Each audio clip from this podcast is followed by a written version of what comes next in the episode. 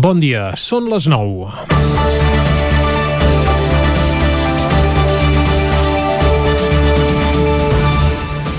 Des d'ahir que el confinament ja no és municipal, sinó comarcal. Finalment, després de setmanes de queixes, sobretot arribades des dels municipis més petits, s'ha posat una mica de seny i ja no és delicte que un veí de Pardines pugui baixar fins a Ribes o que un de Sant Sadurní d'Usormort, el poble més fred d'Osona, pugui escapar-se fins a Sant Julià de Vilatorta. Aquesta restricció, com moltes d'altres, sovint semblava més pensada per les grans poblacions que pels pobles petits. Que un veí de Barcelona no pugui anar a Sant Adrià de Besòs Besòs no és cap tragèdia. Té oferta per comprar el que vulgui, on vulgui, pot anar al teatre, al cinema, i en canvi fins ahir resulta que un veí de Sant Vicenç de Torelló no podia anar al teatre a Torelló, perquè això suposava saltar-se el confinament municipal. Amb tot el que implica pel veí de Sant Vicenç, a qui se li vetava el dret a la cultura, i també pel mateix teatre de Torelló, que si ha de fer números només amb els vilatans del seu municipi ho té molt complicat per tirar endavant. Si tan malament estava tot plegat, potser l'ideal és tancar-ho tot, però jugar a fer la pu i la Ramoneta en aquest aspecte no és el més adient. La mobilitat entre municipis petits a certes comarques, a més, és i era tan magra que restringir-la tampoc és un aspecte decisiu per aturar la Covid. I ara que sembla que de mica en mica tots els indicadors van millorant, diumenge arriben les eleccions. Votar és segur, sí, però tot el moviment que generarà arran de les eleccions pot ser terreny adobat per tal que el coronavirus torni a revifar. Tant de bo d'aquí a uns dies no hagin de parlar de quarta onada, però el risc hi és. Veurem. I per una vegada, a veure si se n'aprèn i a l'hora de desescalar no es corre massa. La Setmana Santa, ara que estem a les portes del Carnaval, la tenim a 40 dies i potser algú hauria de començar a dir amb claredat que aquest any, per Setmana Santa, no s'hi valdrà tot, que la gent de l'àrea metropolitana no tindrà barra lliure per campar i escampar arreu del territori que diguin clar que aquest any els pobles petits tampoc podrem cantar caramelles, però que si ens n'estem, aquesta serà la garantia que l'any vinent ningú ens prendrà ni el Nadal, ni el Carnaval, ni, evidentment, tampoc les caramelles. Per combatre el coronavirus potser no n'hi ha prou, però per combatre el desànim és urgent que, si no a curt, sí a mig i a llarg termini puguem tornar a alimentar l'ànima com Déu mana. I com Déu mana és cantant, perquè qui canta, a Territori 17 o a Barcelona o on faci falta, els seus mals espanta.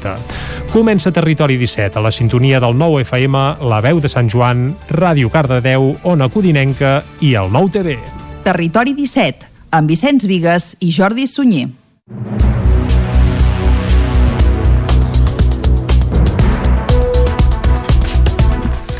Són les 9 i 3 minuts del matí del dimarts, dia 9 de febrer de 2021. Arrenca ara mateix un nou Territori 17 que avui, com sempre, durant la primera hora us acostarà tota l'actualitat de les nostres comarques. Després, a partir de les 10, un nou butlletí informatiu i avui, com que és dimarts, les seccions habituals del segon dia de la setmana. Així, per exemple, tindrem el Buscat la vida amb la Txela Falgueres, parlarem d'economia amb el Joan Carles Arredondo i avui acabarem parlant de medi ambient amb en Gil Salvans de l'Agència de l'Energia d'Osona, amb qui parlarem de comunitats energètiques. Tot això i molt més des d'ara mateix i fins al punt de les 12 del migdia. I com sempre el que fem és arrencar tot fent un repàs a l'actualitat de les nostres comarques, les comarques del Ripollès, Osona, el Moianès i el Vallès Oriental.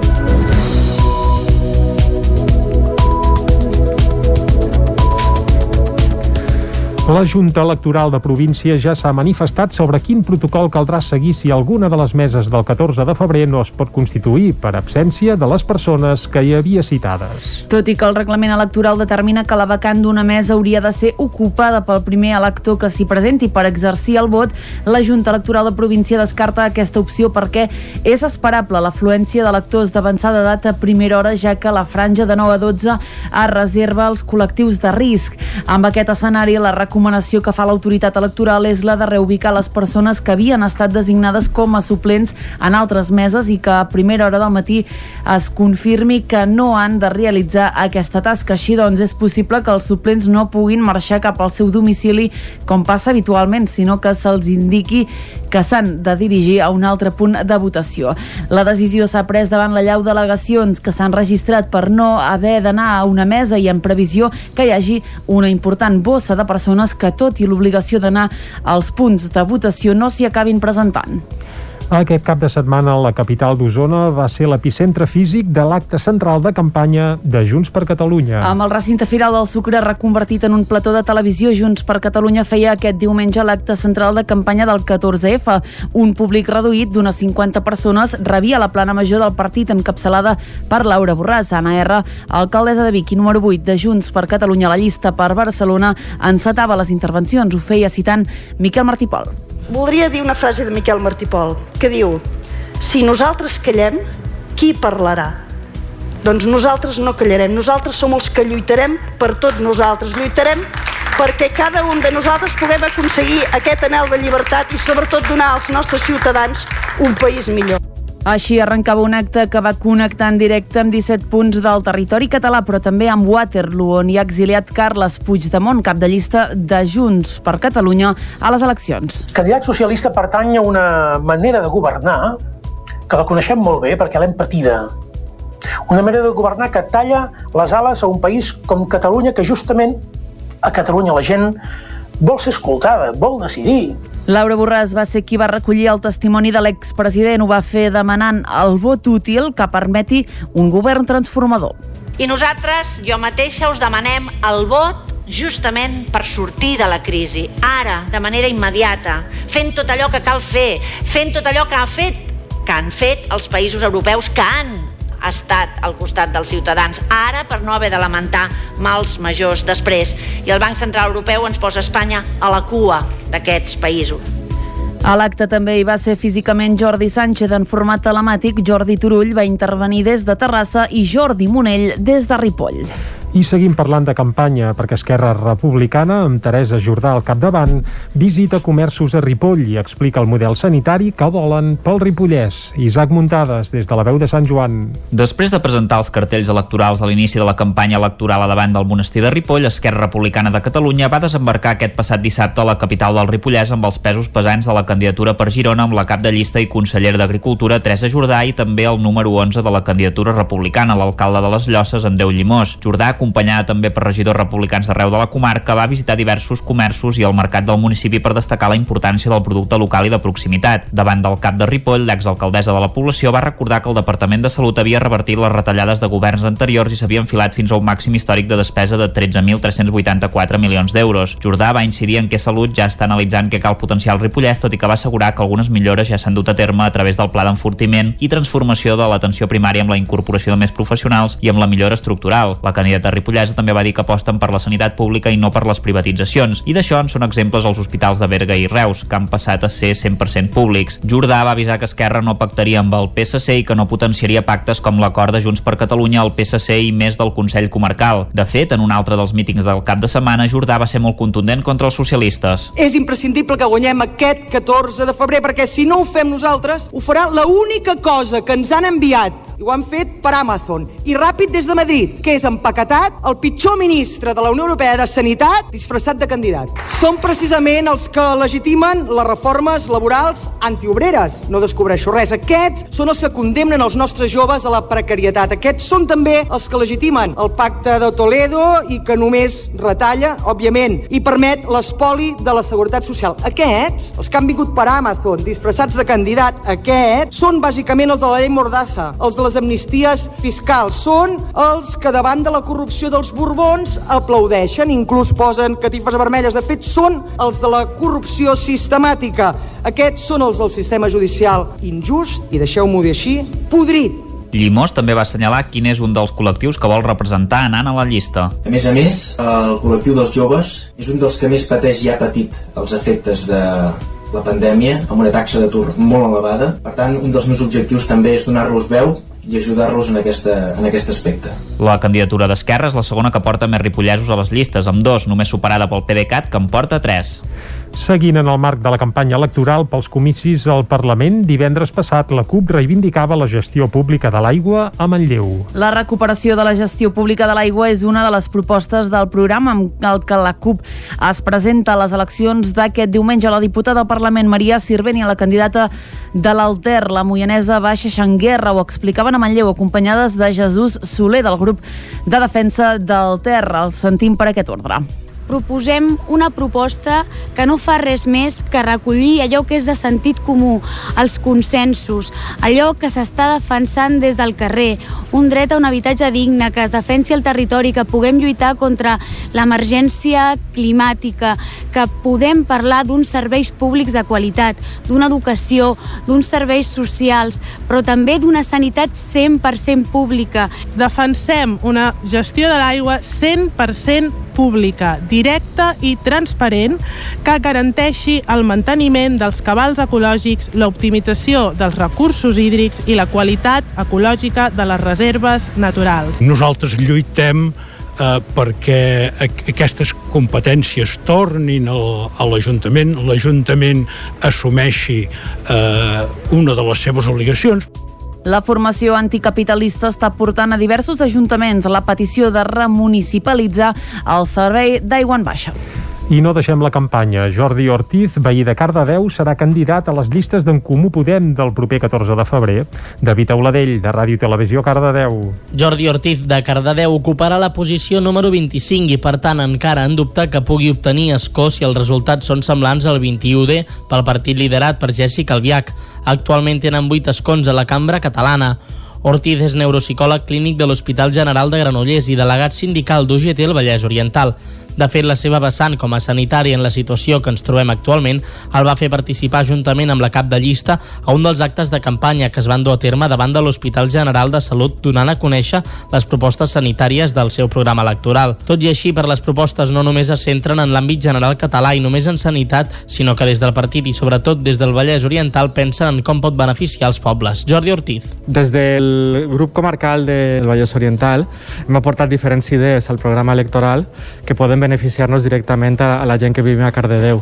Per una banda tenim un, un pla un pla per la, eh, combatre la contaminació atmosfèrica, eh, lumínica i acústica, com sabeu, al Vallès Oriental n'hi ha punts de molta contaminació, tant per les vies eh, de transport que hi ha com per la, per la indústria, i, bueno, i, i les persones que vivim a Cardedeu sabem la contaminació acústica que suposa el pas del tren i de l'autopista, que és, són dues coses que se senten des de tot Cardedeu. Jordi Ortiz destaca que és important posar-se a treballar per la ciutadania en tots els sentits i per la seva part en els que domina, a més de la sanitat pública, l'economia feminista, el sagrat lliure i treballar des de la seva posició per la comarca del Vallès Oriental. A les llistes d'en Comú Podem també hi trobem la cardedeuenca Núria Romero com a suplent número 6 de la llista per Barcelona.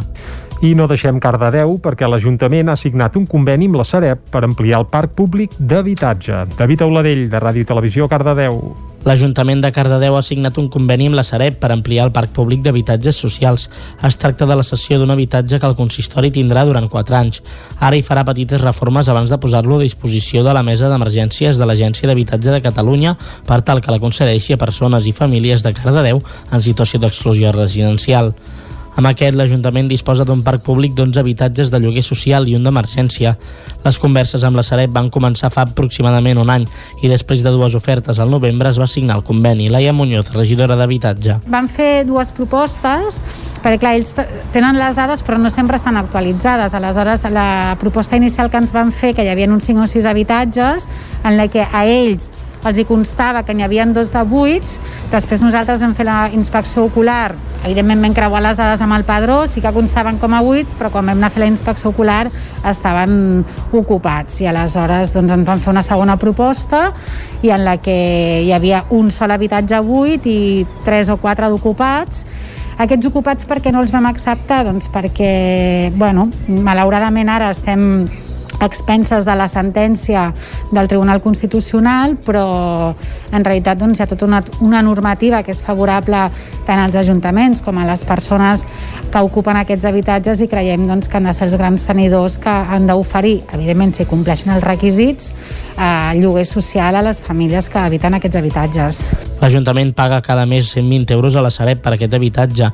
Amb aquest conveni s'assegura l'ampliació del parc d'habitatges assequible i alhora aconsegueix la mobilització de pisos buits del municipi. El Museu de Mollà acull la mostra interactiva Dona la volta a l'alcohol. L'exposició es podrà visitar fins al dia 3 de març. Caral Campàs, des d'Ona Codinenca. L'exposició organitzada pel Servei de Salut Pública de la Diputació de Barcelona és d'accés gratuït i està adreçada al públic en general. Tot i això, està molt pensada per joves del segon cicle d'ESO. De fet, l'Espai Jove La Pólvora ha anunciat que s'organitzaran visites guiades per l'alumnat de tercer i quart d'ESO de l'Institut Moianès. L'objectiu de la mostra és donar a conèixer les conseqüències que genera en la salut el consum d'alcohol durant l'adolescència, així com reforçar també la posició de no consumir alcohol i mantenir-la davant la pressió de grup. Una altra finalitat és retardar l'edat d'inici en el consum i reduir-ne els riscos associats. Els organitzadors reconeixen que treballar la prevenció de consum d'alcohol en la població jove no és una tasca fàcil. Argumenten que l'alcohol és una substància molt present en la nostra societat i molt integrada culturalment com a resultat d'un llarg procés històric. Aquesta exposició està constituïda per nou plafons i dues taules interactives on es desenvolupen diferents temàtiques vinculades al consum. També s'hi pot trobar una caixa amb elements que permeten reproduir els efectes de l'alcohol al nostre organisme. Fins aquí el butlletí informatiu que us hem ofert amb les veus de Clàudia Dinarès, David Auladell, Caral Campàs i Isaac Muntades. Ara el que toca és fer una ullada a la situació meteorològica.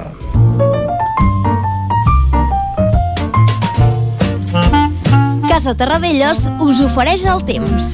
I qui ens porta el temps aquí a Territori 17 és en Pep Acosta. Pep, bon dia. Hola, bon dia. Bon Què dia. tal esteu? Bé, anar fent... Ja estem a l'espai del temps. Mhm. Ahir jo em vaig animar una mica, sí. ho admeto, eh? Quan veig Sovint, pluges, sovint. eh, m'animo, pensava que nevaria i plouria més cap al Pirineu, Mhm. eh, al final, mm, bueno, no... no Poca cosa. 5 centímetres poder de neu, 10 litres com oi cap a de Ter, 6 litres a Sant Pau de Segúries, eh, 7 a Molló, eh, poca cosa, eh? Jo pensava que mm, plouria més i ja veieu, ja porto dos, eh, dos dies, dos dies que anuncio pluja i que dic que plourà un, entre 15 i 20 litres i no s'acaba plovent. Mm, peco d'això, eh? Peco de, de que estic massa animat quan veig pluja. Per tant, a partir d'ara seré una mica més prudent. No, no m'animaré tant. No pateixis, Després ja anem bé, ja anem xàfec, bé. però bueno, no, no m'animaré no m'animaré tant, eh? Ho prometo. Va. Uh, avui, avui torna a venir un front. En, en, tenim aquesta tendència ara de fronts atlàntics, està oberta uh, aquesta situació meteorològica, hi ha hagut un canvi de tendència, uh, hem deixat anar els vents del sud i l'anticicló, i tenim uh, uns vents de, atlàntics, uns vents d'oest, de, de nord i oest, i que ens van passant aquests fronts atlàntics, no, no paren de passar-ne. Avui en passarà un altre. De moment aquest matí, bastanta tranquil·litat i fred. Eh, temperatures per sota dels 5 graus a la majoria de les nostres poblacions, només per sobre a les zones més càlides del Vallès Oriental. Eh, ha glaçat força, val a dir, cap a les zones de muntanya, 8 sota 0 Ull de Ter, 5-6 sota 0 a Núria, 2 sota 0 Puigdesolles, eh, són les temperatures habituals per l'època de l'any. Durant aquest matí, sol i núvols. Uh, tindrem cada vegada més núvols, però no serà allò molt tapat i no tindrem precipitacions de cara a aquest matí. El front ens afectarà més a la tarda vespre, ja de cara a última hora del dia. Anirà entrant i les precipitacions es aniran gairebé generalitzant a totes les nostres comarques. On crec més que plourà? Doncs jo crec que on plourà més serà eh, altra vegada cap al Pirineu. Mm, aviam, entre 15 i 20 litres, crec ara. Ara sí que ho crec. Sí? Tots els mapes ho diuen. Aviam, a veure... aviam. A veure què acaba passant. Aviam. Però jo crec que això, entre 15 i 20 litres. Uh -huh. Ahir la neu va deixar uns 5 centímetres, avui crec que serà més important la nevada, més de 10. Una, el Pirineu està força blanc, eh, fa un bon goig, i atenció a nevada, perquè baixarà dels 1.500 als 1.200 metres. Afectarà també la serrada transversal, els cims més alts de, del Cabarès, de les Guilleries i també al Montseny. 1.000-1.200 metres d'aquestes zones, eh? Vull dir, eh, aquí sí que la nevada serà totalment anecdòtica, quatre volves, l'únic lloc on nevarà una mica en gana serà cap al Pirineu. El resta de les poblacions, Pirineu cap al sud, mm, jo crec que la pluja no passarà els 10 litres, com a molt, tot estirar. Uh, insisteixo, el front és una mica més actiu que el d'ahir. Veurem què acaba passant, però tots tot els mapes diuen que el front és una mica més actiu que el d'ahir. Uh, veurem, veurem. I les temperatures avui d'hivern no superarem els 10-11 graus a la majoria de les nostres poblacions. Uh, per fi, per fi una setmana, una altra vegada d'hivern. I demà us explicaré com ens ha fet aquest front i quines conseqüències ha portat. Ja dic, eh, sembla més actiu que d'ahir. Veurem al final què acaba passant. Moltes gràcies, fins demà. Doncs va, en Pep, que s'ha redimit avui dels pecats, entre cometes, que va cometre ahir, ens va anunciar molta pluja, al final no n'hi va gaire, però, escolta, nosaltres, el que diu en Pep va a missa. Per tant, aviam avui si acaba plovent un xic més. Moltes gràcies, Pep. El que farem ara és anar directe cap al quiosc. Anem-hi. Casa Tarradellas us ha ofert aquest espai. Territori 17. Envia'ns les teves notes de veu per WhatsApp al 646 079 023. 646 079 023. WhatsApp Territori 17.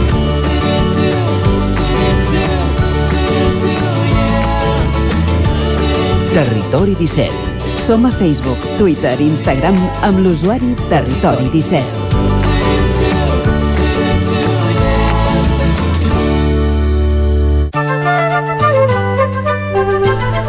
Doncs vinga, ja som al quiosc i allà ens hi espera de nou la Clàudia Dinarès. Bon dia altra vegada. Molt bon dia. Què diuen les portades d'avui? Comencem Com- per la premsa de casa. Exacte, comencem per la premsa catalana, concretament per al punt avui, que diu més vacunes, primeres dosis d'AstraZeneca que s'afegeixen a les de Pfizer i de Moderna, nova etapa, per tant, de vacunació, ara dirigida a bombers, a policies i també a farmacèutiques. Avui el protagonista indiscutible de les portades és uh, Luis Bárcenas, que diu vol un cara a cara amb Rajoy. Comença a Madrid el judici sobre la caixa B dels comptes del PP. Va començar ahir dilluns. L'extresorer vol parlar amb l'expresident si hi ha versions contràries.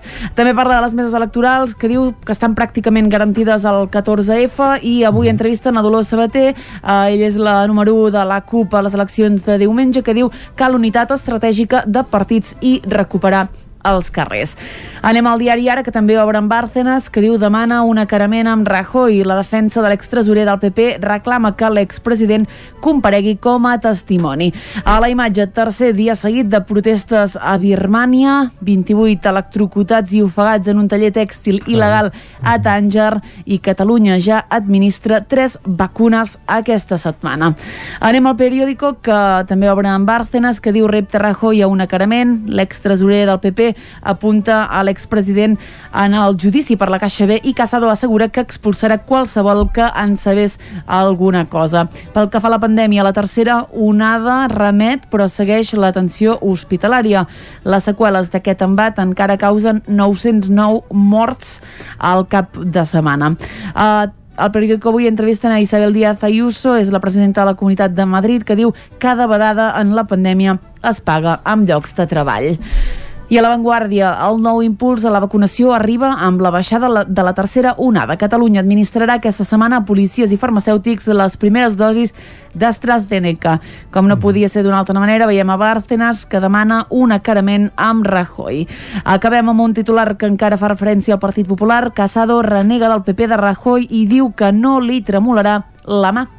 Bé, cal dir que ell era el responsable màxim de les noves generacions a l'època de Rajoy, per tant ja era dins el partit. És curiós que se'n vulgui treure una mica de sobre, però vaja, tant és. Anem ara a les portades d'àmbit estatal, que potser també parlen de Bárcenas. home. Exacte, anem a Madrid, però seguim a- exactament en la mateixa línia, perquè al país, per exemple, ja hi tornem a veure Bárcenas, diu les amenaces de Bárcenas al judici de la Caixa B sacsegen al Partit Popular. Ah, I a les xarxes es va fer molt famosa un, ca un casament qüestionar un casino eh, on no es complia cap mena de, de mesura anticovid. Ara, pla, qui es va casar? Doncs no sé, una, una, una parella de Madrid diu i Madrid investiga un casament per vulnerar les mesures contra els contagis. Si et poses a Twitter ho trobaràs de seguida, Va. Jordi. Uh, tornem a parlar de Pablo Iglesias, uh, que diu qüestiona la qualitat democràtica uh, d'Espanya. És un dels titulars de la premsa espanyola, anem al Mundo, que diu Iglesias s'alinea amb Rússia i denigra la democràcia espanyola. Eh? Ja ho veiem. Aquí tornem a veure Bárcenas, que diu buscar el xoc amb Rajoy i Marlàs, que maniobra per perpetuar un càrrec clau a un comissari afí del Partit Socialista. Encarem ja la recta final, anem a la Razón, que diu Bárcenas demana un acarament amb Rajoy i aquest es blinda amb els seus. Reconeix davant del jutge que no té noves proves i el fiscal li resta credibilitat. L'expresident contacta amb exdirigents de la seva etapa i espera una nova ofensiva.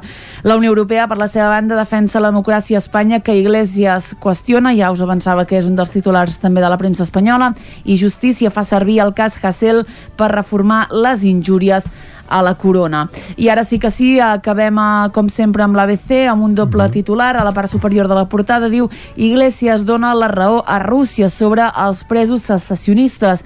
El vicepresident contradiu a la ministra d'Exteriors i la Unió Europea, per la seva banda, subratlla que comparar la democràcia espanyola amb la repressió de Putin està fora de lloc. A la part inferior de l'ABC, per suposat, aquí veiem més a Luis Bárcenas, mm -hmm. diu Bárcenas eh, s'agafa a un acarament amb Mariano Rajoy, per tant, eh, indiscutible protagonista de les portades, eh? eh Bárcenas ho estic repassant, però diria Que apareix a tot arreu. apareix a tot arreu, excepte a la portada del diari Ara. Aquí no veiem amb imatge, però sí veiem el titular.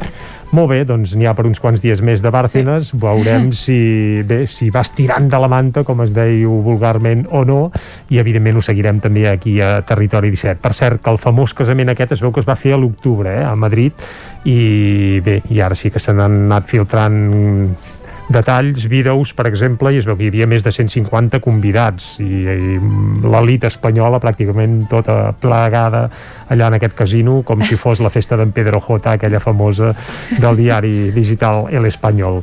Déu meu, com ens hem de veure. Com ens moltes, hem de veure, Jordi. Moltes gràcies, Clàudia. Ara. I nosaltres el que farem ara aquí a Territori 17 és una breu pausa i tornarem a dos quarts de 10 en punt, acostant-vos de nou tota l'actualitat de les nostres comarques. Fins ara mateix.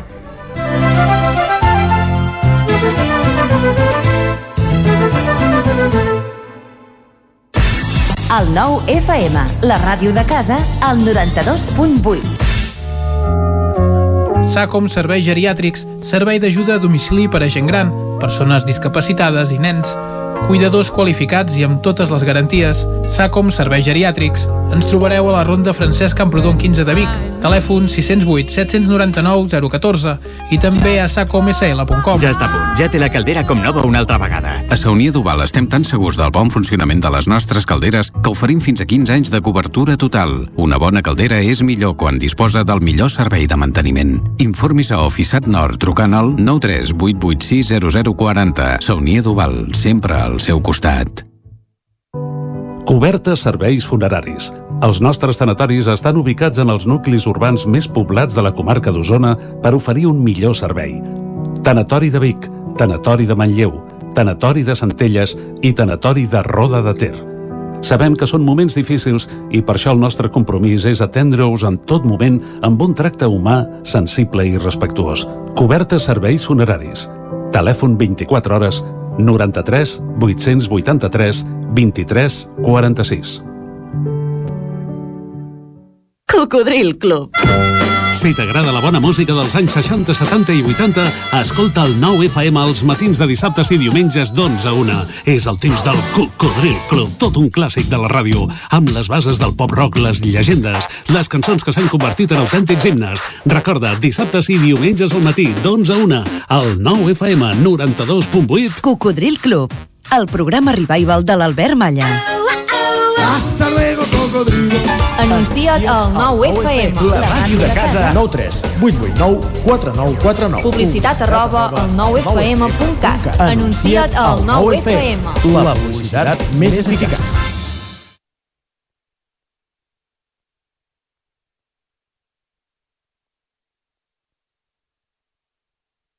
Hi ha una màgia que no té truc.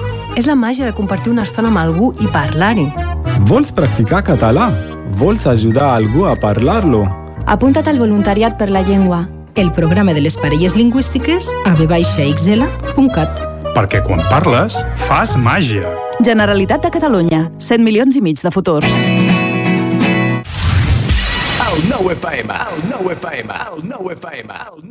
Hi ha una màgia que no té truc. És la màgia de compartir una estona amb algú i parlar-hi. Vols practicar català? Vols ajudar algú a parlar-lo? Apunta't al voluntariat per la llengua. El programa de les parelles lingüístiques a vxl.cat.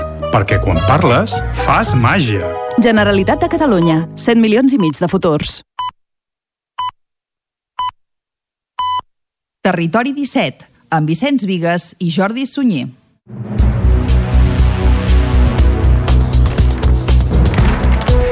Són dos quarts de deu en punt d'avui, dimarts, dia 9 de febrer de 2021. Seguim en directe aquí a Territori 17 i de seguida us acostarem tota l'actualitat de les nostres comarques altra vegada. Després, a partir de les 10, un nou butlletí informatiu i avui tindrem el Buscat la Vida amb Xela Falgueres, parlarem d'economia i acabarem parlant de medi ambient amb en Gil Salvans de l'Agència de l'Energia d'Osona. Un cop al mes ens venen a visitar aquí a Territori 17 els companys de l'Agència de l'Energia per comentar-nos algun aspecte relacionat amb el medi ambient. Avui parlarem de comunitats energètiques. Això serà la part final d'un programa que ara segueix acostant-vos de nou tota l'actualitat de les nostres comarques, les comarques del Ripollès, Osona, el Moianès i el Vallès Oriental.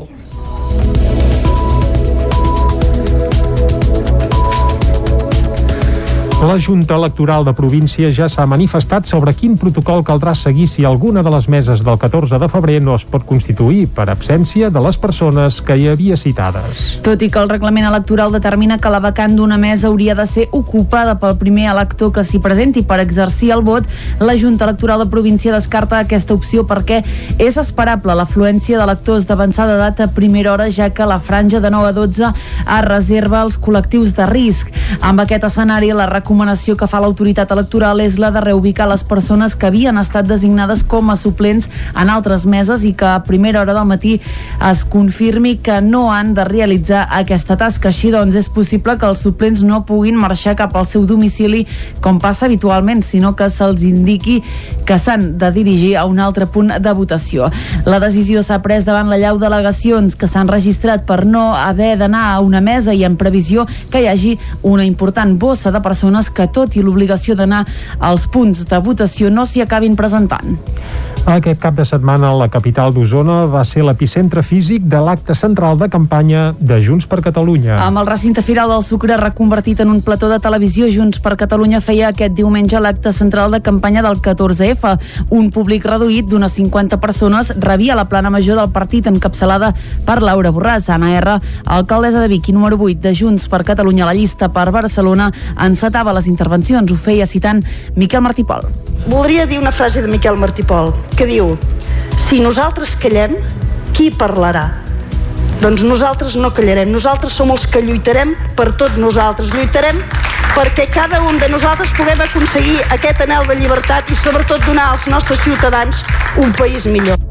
Així arrencava un acte que va connectar en directe amb 17 punts del territori català, però també amb Waterloo, on hi ha exiliat Carles Puigdemont, cap de llista de Junts per Catalunya a les eleccions. El candidat socialista pertany a una manera de governar que la coneixem molt bé perquè l'hem patida. Una manera de governar que talla les ales a un país com Catalunya, que justament a Catalunya la gent vol ser escoltada, vol decidir. Laura Borràs va ser qui va recollir el testimoni de l'expresident. Ho va fer demanant el vot útil que permeti un govern transformador.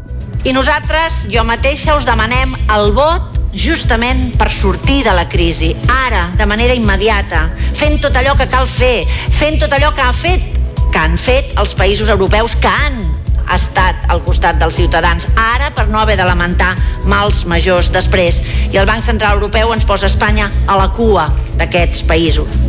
A l'acte també hi va ser físicament Jordi Sánchez en format telemàtic, Jordi Turull va intervenir des de Terrassa i Jordi Monell des de Ripoll.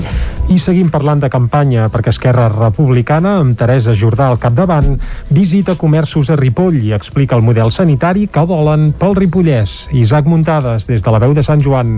Després de presentar els cartells electorals a l'inici de la campanya electoral a davant del monestir de Ripoll, Esquerra Republicana de Catalunya va desembarcar aquest passat dissabte a la capital del Ripollès amb els pesos pesants de la candidatura per Girona amb la cap de llista i conseller d'Agricultura Teresa Jordà i també el número 11 de la candidatura republicana, l'alcalde de les Llosses, Andeu Llimós. Jordà acompanyada també per regidors republicans d'arreu de la comarca, va visitar diversos comerços i el mercat del municipi per destacar la importància del producte local i de proximitat. Davant del cap de Ripoll, l'exalcaldessa de la població va recordar que el Departament de Salut havia revertit les retallades de governs anteriors i s'havia enfilat fins a un màxim històric de despesa de 13.384 milions d'euros. Jordà va incidir en què Salut ja està analitzant què cal potenciar el Ripollès, tot i que va assegurar que algunes millores ja s'han dut a terme a través del pla d'enfortiment i transformació de l'atenció primària amb la incorporació de més professionals i amb la millora estructural. La candidata Ripollès Manresa també va dir que aposten per la sanitat pública i no per les privatitzacions. I d'això en són exemples els hospitals de Berga i Reus, que han passat a ser 100% públics. Jordà va avisar que Esquerra no pactaria amb el PSC i que no potenciaria pactes com l'acord de Junts per Catalunya, el PSC i més del Consell Comarcal. De fet, en un altre dels mítings del cap de setmana, Jordà va ser molt contundent contra els socialistes. És imprescindible que guanyem aquest 14 de febrer, perquè si no ho fem nosaltres, ho farà la única cosa que ens han enviat i ho han fet per Amazon i ràpid des de Madrid, que és empaquetat el pitjor ministre de la Unió Europea de Sanitat disfressat de candidat.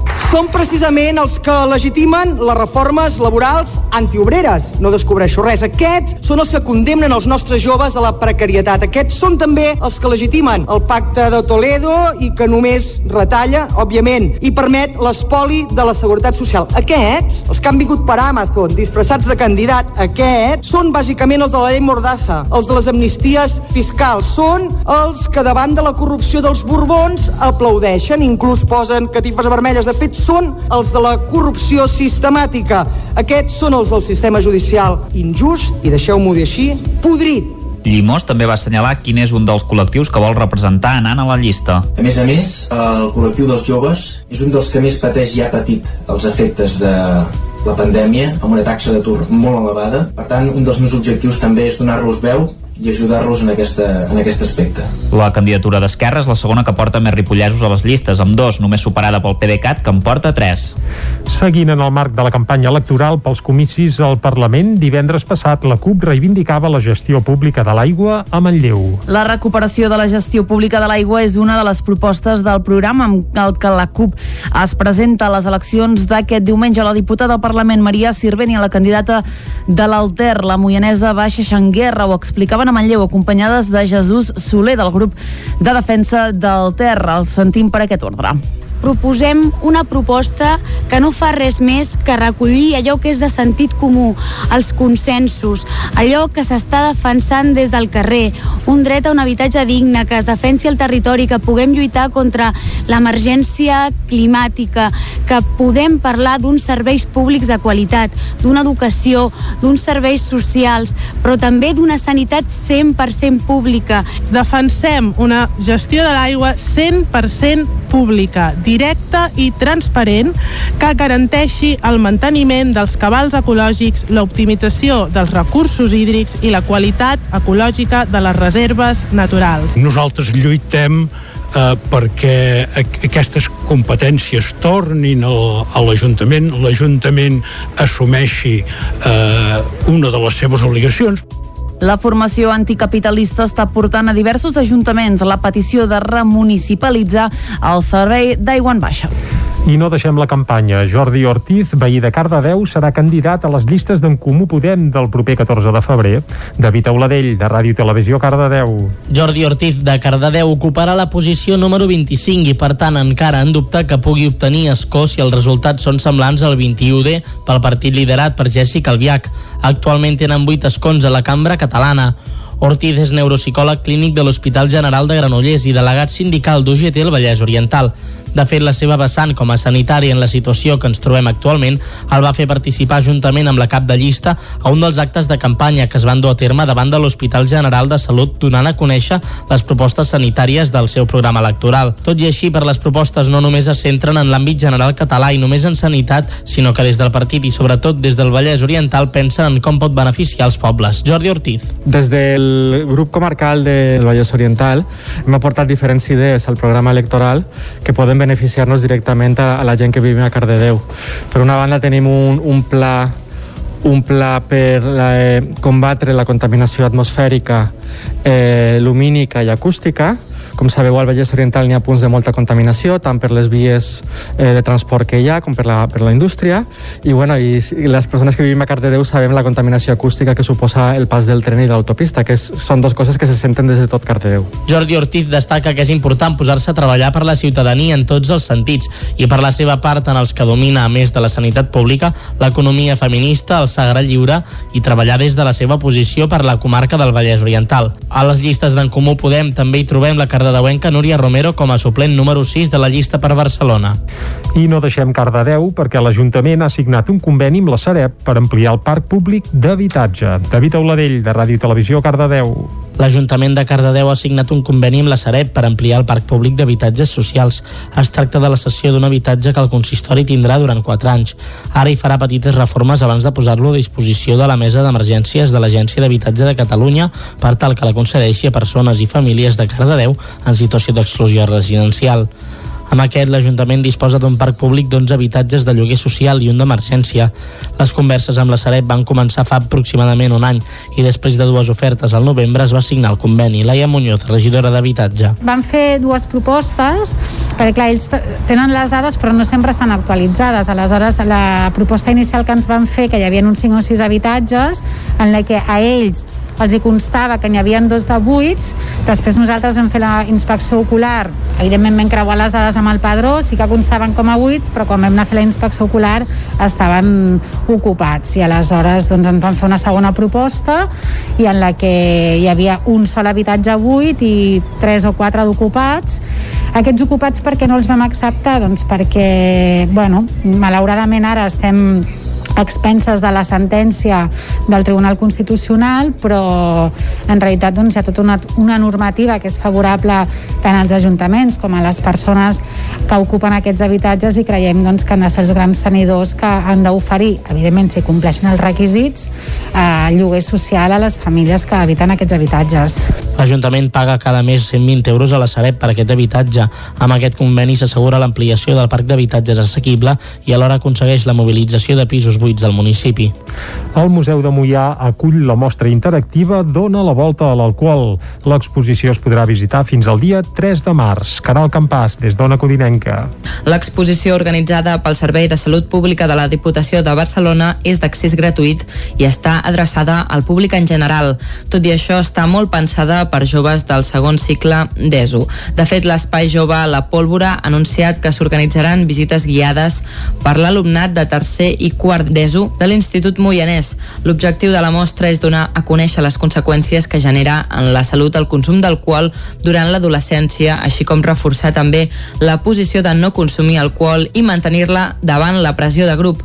Una altra finalitat és retardar l'edat d'inici en el consum i reduir-ne els riscos associats. Els organitzadors reconeixen que treballar la prevenció de consum d'alcohol en la població jove no és una tasca fàcil. Argumenten que l'alcohol és una substància molt present en la nostra societat i molt integrada culturalment com a resultat d'un llarg procés històric. Aquesta exposició està constituïda per nou plafons i dues taules interactives on es desenvolupen diferents temàtiques vinculades al consum. També s'hi pot trobar una caixa amb elements que permeten reproduir els efectes de l'alcohol al nostre organisme. Fins aquí el butlletí informatiu que us hem ofert amb les veus de Clàudia Dinarès, David Auladell, Caral Campàs i Isaac Muntades. Ara el que toca és fer una ullada a la situació meteorològica.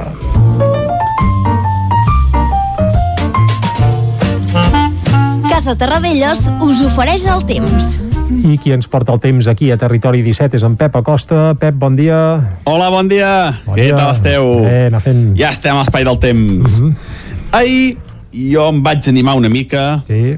ho admeto, eh? Quan Sovint, veig pluges, eh, m'animo, pensava que nevaria i plouria més cap al Pirineu, Mhm.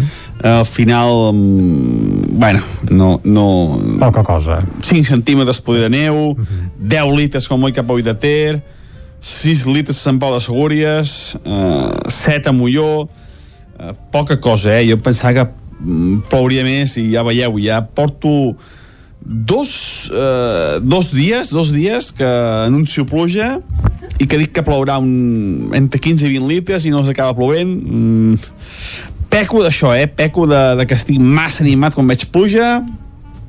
Per tant, a partir d'ara seré una mica més prudent, no, no m'animaré tant. No pateixis, Després ja sota el gran xàfec, però bueno, no, no m'animaré no m'animaré tant, eh? Ho prometo. Uh, avui, avui torna a venir un front. En, en, tenim aquesta tendència ara de fronts atlàntics, està oberta uh, aquesta situació meteorològica, hi ha hagut un canvi de tendència, uh, hem deixat anar els vents del sud i l'anticicló, i tenim uh, uns vents de atlàntics, uns vents d'oest, de, de nord i oest, i que ens van passant aquests fronts atlàntics, no, no paren de passar-ne.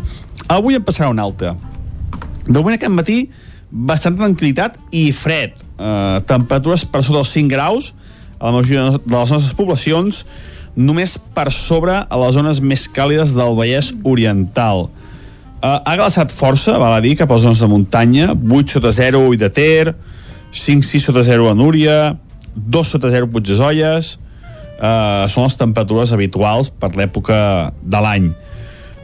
Mm, Durant aquest matí, sol i núvols. Uh, tindrem cada vegada més núvols, però no serà allò molt tapat i no tindrem precipitacions de cara a aquest matí. El front ens afectarà més a la tarda vespre, ja de cara a última hora del dia. Aniran tant i les precipitacions es aniran gairebé generalitzant a totes les nostres comarques.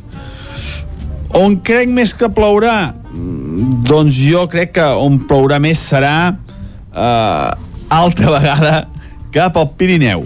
Mm, aviam, entre 15 i 20 litres, crec ara. Ara sí que ho crec. Sí? Tots els mapes ho diuen. Aviam, a veure... aviam. A veure què acaba passant. Aviam. Però jo crec que això, entre 15 i 20 litres. Uh -huh. Ahir la neu va deixar uns 5 centímetres, avui crec que serà més important la nevada, més de 10. Una, el Pirineu eh, està força blanc, eh, fa un bon goig, i atenció a nevada, perquè baixarà dels 1.500 als 1.200 metres. Afectarà també la serrada transversal, els cims més alts de, del Cabrerès, de les Guilleries, i també el Montseny. 1.000-1.200 metres aquestes zones, eh? Vull dir, eh, aquí sí que la nevada serà totalment anecdòtica, quatre volves, l'únic lloc on nevarà una mica en gana serà cap al Pirineu. El resta de les poblacions, Pirineu cap al sud, mm, jo crec que la pluja no passarà als 10 litres, com a molt, tot estirar. Uh, insisteixo, el front és una mica més actiu que el d'ahir. Veurem què acaba passant, però tot, tots els mapes diuen que el front és una mica més actiu que el d'ahir. Uh, veurem, veurem. I les temperatures avui d'hivern no superarem els 10-11 graus a la majoria de les nostres poblacions. Uh, per fi, per fi una setmana, una altra vegada d'hivern. I demà us explicaré com ens ha fet aquest front i quines conseqüències ha portat. Ja dic, eh, sembla més actiu que d'ahir. Veurem al final què acaba passant. Moltes gràcies, fins demà. Doncs va, en Pep, que s'ha redimit avui dels pecats, entre cometes, que va cometre ahir, ens va anunciar molta pluja, al final no n'hi va gaire, però, escolta, nosaltres, el que diu en Pep va a missa. Per tant, aviam avui si acaba plovent un xic més. Moltes gràcies, Pep. El que farem ara és anar directe cap al quiosc. Anem-hi. Casa Tarradellas us ha ofert aquest espai. Territori 17. Envia'ns les teves notes de veu per WhatsApp al 646 079 023. 646 079 023. WhatsApp Territori 17.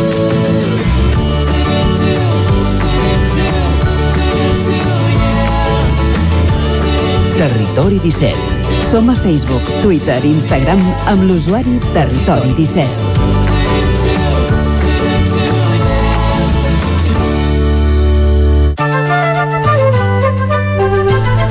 Doncs vinga, ja som al quiosc i allà ens hi espera de nou la Clàudia Dinarès. Bon dia altra vegada. Molt bon dia. Què diuen les portades d'avui? Comencem per la premsa de casa. Exacte, comencem per la premsa catalana, concretament per al punt avui, que diu més vacunes, primeres dosis d'AstraZeneca que s'afegeixen a les de Pfizer i de Moderna, nova etapa, per tant, de vacunació, ara dirigida a bombers, a policies i també a farmacèutiques. Avui el protagonista indiscutible de les portades és uh, Luis Bárcenas, que diu vol un cara a cara amb Rajoy. Comença a Madrid el judici sobre la caixa B dels comptes del PP. Va començar ahir dilluns. L'extresorer vol parlar amb l'expresident si hi ha versions contràries.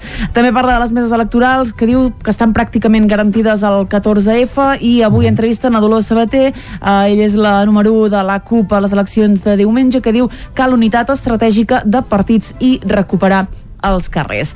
Anem al diari Ara, que també obre en Bárcenas, que diu demana un acarament amb Rajoy. La defensa de l'extresorer del PP reclama que l'expresident comparegui com a testimoni. A la imatge, tercer dia seguit de protestes a Birmània, 28 electrocutats i ofegats en un taller tèxtil il·legal a Tànger i Catalunya ja administra tres vacunes aquesta setmana. Anem al periòdico, que també obre en Bárcenas, que diu repte Rajoy a un acarament. L'extresorer del PP apunta a l'expresident en el judici per la Caixa B i Casado assegura que expulsarà qualsevol que en sabés alguna cosa. Pel que fa a la pandèmia, la tercera onada remet però segueix l'atenció hospitalària. Les seqüeles d'aquest embat encara causen 909 morts al cap de setmana. Uh, el periòdico avui entrevisten a Isabel Díaz Ayuso, és la presidenta de la Comunitat de Madrid, que diu cada vegada en la pandèmia es paga amb llocs de treball. I a l'avantguàrdia, el nou impuls a la vacunació arriba amb la baixada de la tercera onada. Catalunya administrarà aquesta setmana a policies i farmacèutics les primeres dosis d'AstraZeneca. Com no podia ser d'una altra manera, veiem a Bárcenas que demana un acarament amb Rajoy. Acabem amb un titular que encara fa referència al Partit Popular. Casado renega del PP de Rajoy i diu que no li tremolarà la mà. Bé, cal dir que ell era el responsable màxim de les noves generacions a l'època de Rajoy, per tant ja era dins el partit. És curiós que se'n vulgui treure una mica de sobre, però vaja, tant és. Anem ara a les portades d'àmbit estatal, que potser també parlen de Bárcenas. Exacte, anem a Madrid, però seguim exactament en la mateixa línia, perquè al país, per exemple, ja hi tornem a veure Bárcenas, diu les amenaces de Bárcenas al judici de la Caixa B sacsegen al partit popular. Uh, I a les xarxes es va fer molt famosa un, ca un casament a un casino uh, on no es complia cap mena de, de mesura anticovid. Ara, pla, qui es va casar? Doncs no sé, una, una, una parella de Madrid diu i Madrid investiga un casament per vulnerar les mesures contra els contagis. Si et poses a Twitter ho trobaràs de seguida, va. Jordi. Uh, tornem a parlar de Pablo Iglesias, uh, que diu qüestiona la qualitat democràtica uh, d'Espanya. És un dels titulars de la premsa espanyola, anem al Mundo, que diu Iglesias s'alinea amb Rússia i denigra la democràcia espanyola, eh? ja ho veiem. Aquí tornem a veure Bárcenas, que diu buscar el xoc amb Rajoy i Marlàs, que maniobra per perpetuar un càrrec clau a un comissari a fi del Partit Socialista. Encarem ja la recta final, anem a la Razón, que diu Bárcenas demana un acarament amb Rajoy i aquest es blinda amb els seus, reconeix davant del jutge que no té noves proves i el fiscal li resta credibilitat. L'expresident contacta amb exdirigents de la seva etapa i espera una nova ofensiva. La Unió Europea, per la seva banda, defensa la democràcia a Espanya que Iglesias qüestiona, ja us avançava que és un dels titulars també de la premsa espanyola, i Justícia fa servir el cas Hassel per reformar les injúries a la corona. I ara sí que sí, acabem a, com sempre amb l'ABC, amb un doble titular. A la part superior de la portada diu Iglesias dona la raó a Rússia sobre els presos secessionistes. El vicepresident contradiu a la ministra d'Exteriors i la Unió Europea, per la seva banda, subratlla que comparar la democràcia espanyola amb la repressió de Putin està fora de lloc. A la part inferior de l'ABC, per suposat, aquí veiem més a Luis Bárcenas, mm -hmm. diu Bárcenas eh, s'agafa a un acarament amb Mariano Rajoy, per tant, eh, indiscutible protagonista de les portades, eh? eh Bárcenas ho estic repassant, però diria... Que apareix a tot arreu. Apareix a tot arreu, excepte a la portada del diari Ara. Aquí no veiem amb imatge, però sí veiem el titular. Molt bé, doncs n'hi ha per uns quants dies més de Bárcenas. Sí. Veurem si, bé, si vas tirant de la manta, com es deia vulgarment, o no, i evidentment ho seguirem també aquí a Territori 17. Per cert, que el famós casament aquest es veu que es va fer a l'octubre, eh, a Madrid, i bé, i ara sí que se n'han anat filtrant detalls, vídeos, per exemple, i es veu que hi havia més de 150 convidats i, i l'elit espanyola pràcticament tota plegada allà en aquest casino, com si fos la festa d'en Pedro J, aquella famosa del diari digital El Espanyol. Déu meu, com ens hem de veure? Com ens moltes, hem de veure, Jordi? Moltes gràcies, Clàudia. Fins ara. I el que toca ara és no parlar més de casaments ni de festes, sinó de música. Bé, també la podem associar, evidentment, a casaments i festes, eh? però avui ho associarem uh, bé, uh, a la setmana on estem. Som a la setmana de, de Carnaval, de Carnestoltes. Uh, dijous seria dijous gras, bé, ho serà igualment, evidentment, tot i que tothom ho celebrarà com pugui, amb relatiu confinament. A Vic, per cert, es farà el dijous gras en comptes de la plaça Major al recinte firal del Sucre, per tant, qui vulgui podrà gaudir d'entrepans de botifarra per endur, això, això sí, però vaja, l'essència es mantindrà. I fet aquest punt, doncs parlem de Carnaval. Va, que el gran cap de setmana de Carnaval seria aquest cap de setmana que ve. El passat ja ho van celebrar alguns llocs com Centelles, en parlàvem ahir a Territori 17, però el cap de setmana gros és aquest proper i com que no hi haurà rues, no hi haurà caliu als carrers perquè la pandèmia doncs, no ho permet, el que farem és portar-hi música. I és que ahir mateix els músics Joan Garriga, de la Garriga, per tant d'aquí a Territori 17, i el Carles Belda, un acordionista diatònic de Sabadell, doncs van estrenar una cançó que els hi ha encarregat atenció al Departament de Cultura de la Generalitat els hi van carregar una cançó de Carnestoltes i ells, doncs, clar, com que ara mateix tampoc tenen gaire feina, s'hi van posar de seguida i inspirar, inspirats en la cançó tradicional El tio fresco, una melodia que se sent molt pel Carnestoltes, doncs van acabar fent uh, una autèntica obra d'art de la qual podeu gaudir també a través d'un videoclip que bé, per la ràdio no el veureu el videoclip però si podeu pareu-hi uh, la vista perquè la veritat és que val molt la pena. Nosaltres el que farem és acostar-vos la cançó que han fet el Joan Garriga i el Carles Belda dedicada a això, a l'època del Carnaval i per cert que des del Departament de Cultura ja han dit que això no serà una flor d'un dia sinó que aniran encarregant cançons lligades a, a festes populars del calendari festiu català i per tant ara tenim la de Carnaval però també arribarà la de Quaresma també la de la festa de Rams i arribaran més festes encara, eh? per Sant Joan també tindrem una cançó també tindrem cançó per Sant Jordi pel maig, la festa del Segar i Batre pel Corpus i a més a més també per les festes de Nadal ara el que toca però, com que ja fa olor de Carnaval tot plegat, és acostar-vos a aquesta peça que han fet el Joan Garriga i el Carles Belda. Visca el Carnaval i amb això arribem fins a les 10 del matí aquí a Territori 17. Salut! Un rubier ben gat que l'os em fot un placatge ja ve el moixó foguer és mel la ploma que gasta. Merengues caramels el barquin ensarronada jo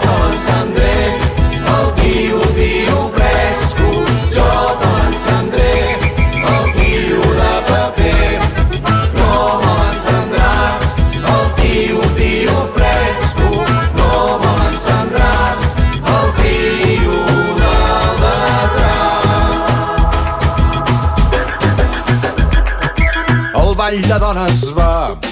Ataquen els joves mansos. Dins la nocturnitat il·luminem el pollasso. Penja de dalt el ruc bojos els gegants a plaça.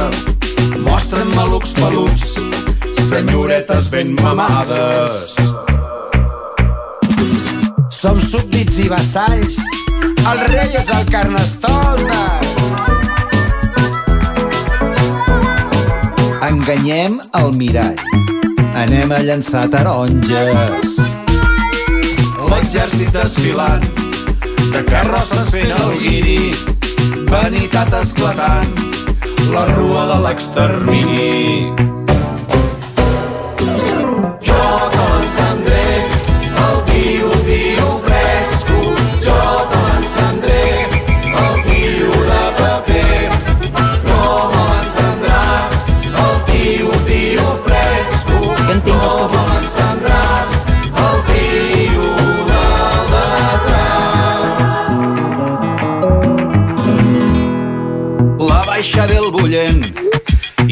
Dia de la crosta. Vinga, que hi falta gent del Valdir i de la costa. Emborratxem els déus, passeu-me la malvasia, no em parareu els peus, que venen els darrers dies. fem net la merda sota l'estora.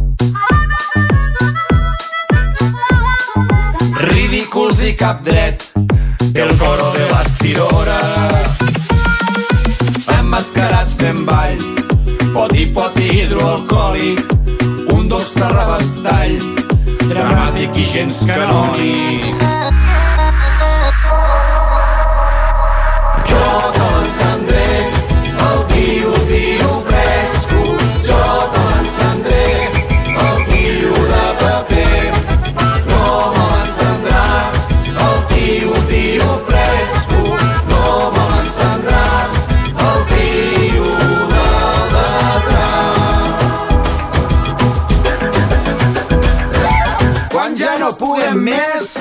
De cendra farem relliure, que cremi allò sobrer, enterrarem la sardina.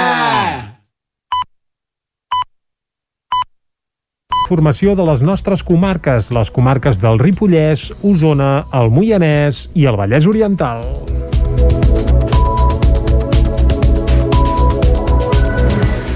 Ja no queda cap pacient ingressat per Covid-19 amb la infecció activa a l'Hospital de Camp de Bànol. Isaac Muntades, des de la veu de Sant Joan.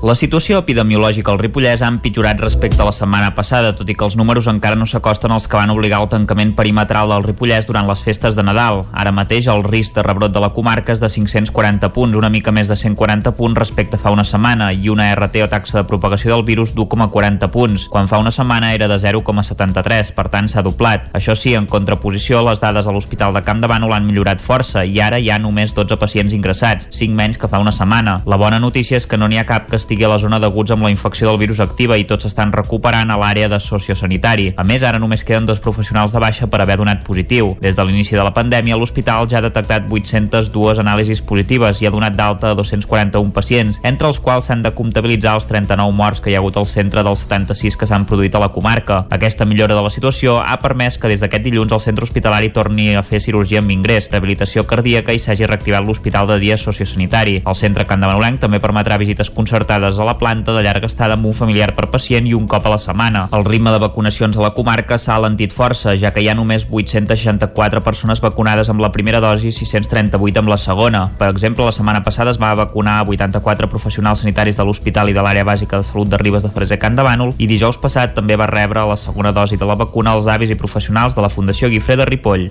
El relaxament de les mesures contra la Covid-19 que va entrar en vigor aquest dilluns ha permès als gimnasos reobrir portes. Amb un aforament del 30% i amb 6 persones com a màxim a les activitats en grup aquest dilluns, els gimnasos van reobrir portes. El govern els va obligar a tancar el passat 7 de gener una mesura que Salut va aprovar per combatre l'expansió del coronavirus. És el cas del Vic TV, tot i que fins ara el club ha pogut mantenir obertes les piscines. Aquest dilluns va reobrir el gimnàs i la sala de classes dirigides. Ho va fer, però, amb una condició que els usuaris portin la mascareta, un fet que des del club alerten pot fer incrementar el nombre de baixes. Joan Casas és el gerent del Vic TV.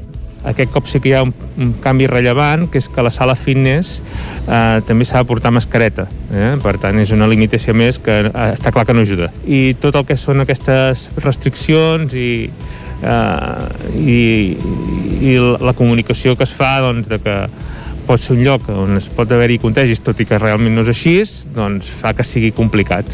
Eh? Per tant, tot i que el número de baixes eh, no ens ha crescut, el número d'altes ens ha baixat molt. Eh?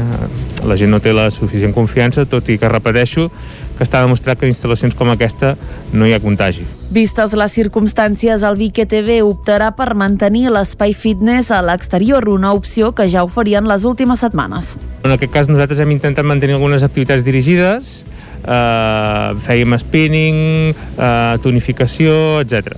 Uh, les que hem pogut, tenint en compte que el, el grup de gent que ha, ha continuat venint ha estat reduït. Les classes presencials es complementaran amb les virtuals que es poden seguir a través del canal de YouTube del club.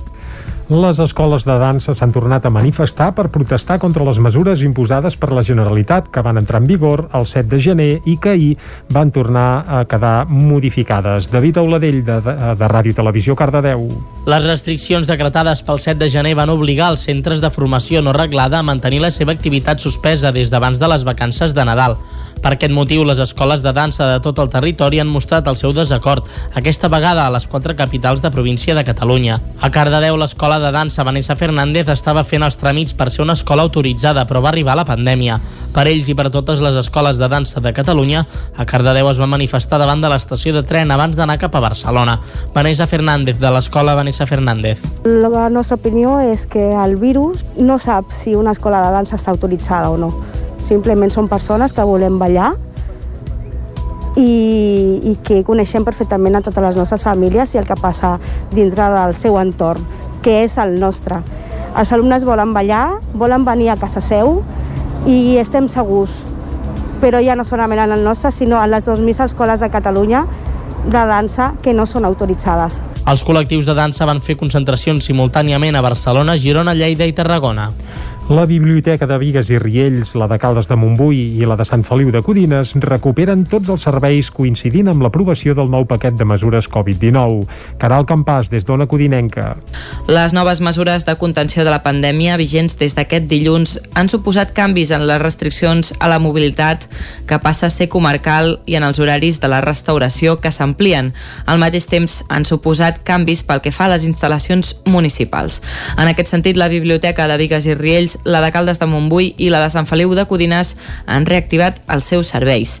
A la Biblioteca de Vigues i Riells, a partir d'aquest dilluns, no cal demanar cita prèvia per accedir a l'espai i es torna a oferir el servei de reprografia, és a dir, que es pot treballar i estudiar a la biblioteca i fer ús dels ordinadors amb un 50% de l'aforament. Fins ara només es podia fer ús del servei de préstec amb cita prèvia per triar el material. L'horari d'atenció al públic a Vigues i Riells es manté de dilluns a divendres de 3 3 a 8 del vespre.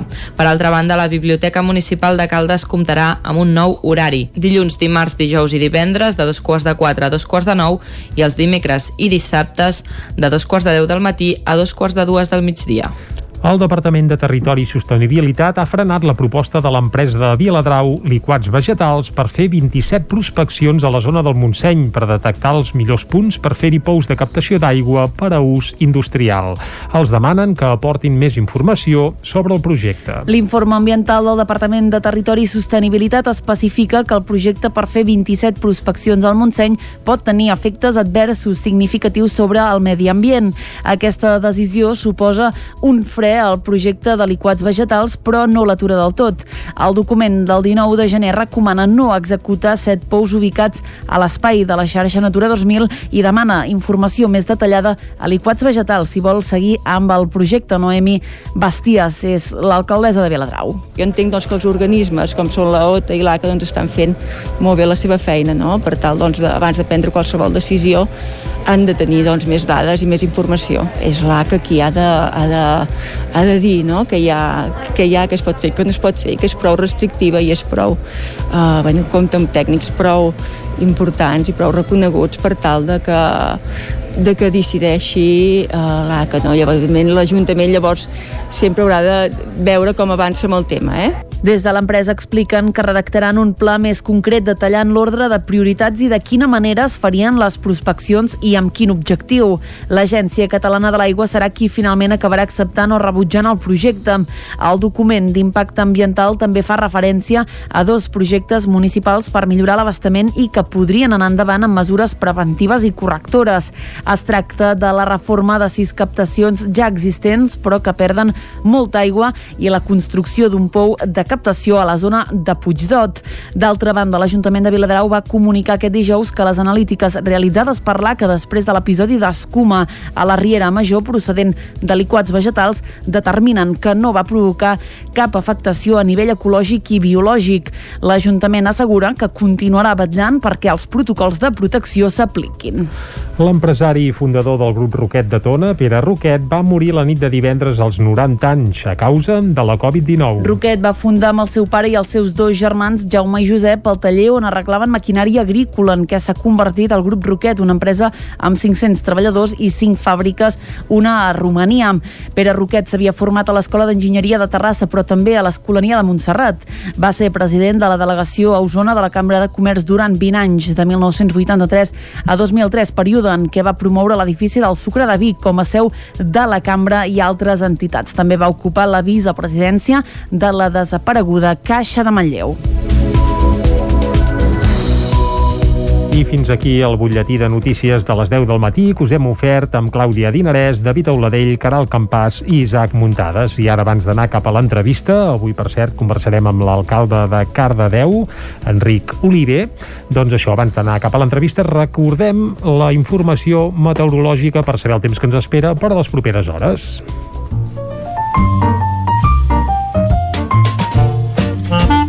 Casa Terradellos us ofereix el temps. I, com sempre, qui ens acosta el temps és en Pep Acosta. Bon dia, Pep. Hola, bon dia. Què tal esteu? Anar fent. De moment aquest matí, bastanta tranquil·litat i fred. Uh, temperatures per sota dels 5 graus a la majoria de les nostres poblacions, només per sobre a les zones més càlides del Vallès Oriental. Uh, ha glaçat força, val a dir, cap a les zones de muntanya, 8 sota 0 i de Ter, 5-6 sota 0 a Núria, 2 sota 0 Puigdesolles, uh, són les temperatures habituals per l'època de l'any. Mm, Durant aquest matí, sol i núvols. Uh, tindrem cada vegada més núvols, però no serà allò molt tapat i no tindrem precipitacions de cara a aquest matí. El front ens afectarà més a la tarda vespre, ja de cara a última hora del dia. Anirà entrant i les precipitacions es aniran gairebé generalitzant a totes les nostres comarques. On crec més que plourà? Mm, Doncs jo crec que on plourà més serà eh, altra vegada cap al Pirineu. Mm, aviam, entre 15 i 20 litres, crec ara. Ara sí que ho crec. Aviam, aviam. Tots els mapes ho diuen. A veure, a veure què acaba passant. Però jo crec que això, entre 15 i 20 litres. Ahir la neu va deixar uns 5 centímetres, avui crec que serà més important la nevada, més de 10. Una, el Pirineu eh, està força blanc, eh, fa un bon goig, i atenció a nevada perquè baixarà dels 1.500 als 1.200 metres. Afectarà també la serrada transversal, els cims més alts de, del Cabrerès, de les Guilleries i també el Montseny. 1.000-1.200 metres aquestes zones, eh? Vull dir, eh, aquí sí que la nevada serà totalment anecdòtica, quatre volves, l'únic lloc on nevarà una mica en gana serà cap al Pirineu. El resta de les poblacions, Pirineu cap al sud, mm, jo crec que la pluja no passarà els 10 litres, com a molt, tot estirar. Uh, insisteixo, el front és una mica més actiu que el d'ahir. Mm, Veurem què acaba passant, però tot, tots els mapes diuen que el front és una mica més actiu que el d'ahir. I les temperatures avui d'hivern no superarem els 10-11 graus a la majoria de les nostres poblacions. Moltes gràcies, fins demà. Vinga, moltes gràcies a tu, Pep. Uh, T'escoltem més tard. Gràcies. Anem ara cap a l'entrevista. Casa Tarradellas us ha ofert aquest espai. Territori 17. Envia'ns les teves notes de veu per WhatsApp al 646 079 023. 646 079 023. WhatsApp Territori 17.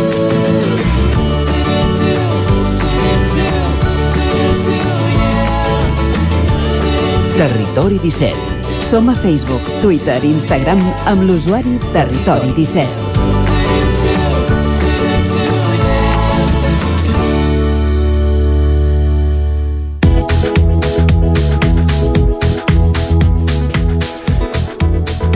Dos minuts i seran un quart d'onze del matí. Seguim en directe aquí a Territori 17. i entrem a l'última setmana de campanya d'aquestes eleccions, tenyides de polèmica, sobretot per fer-se en aquestes dates de pandèmia. Només un 54% de la població catalana va dir al CIS que aniria a votar amb tota seguretat, mentre que el 2017, encara que la pregunta era lleugerament diferent, aquesta xifra va ser de prop del 90%.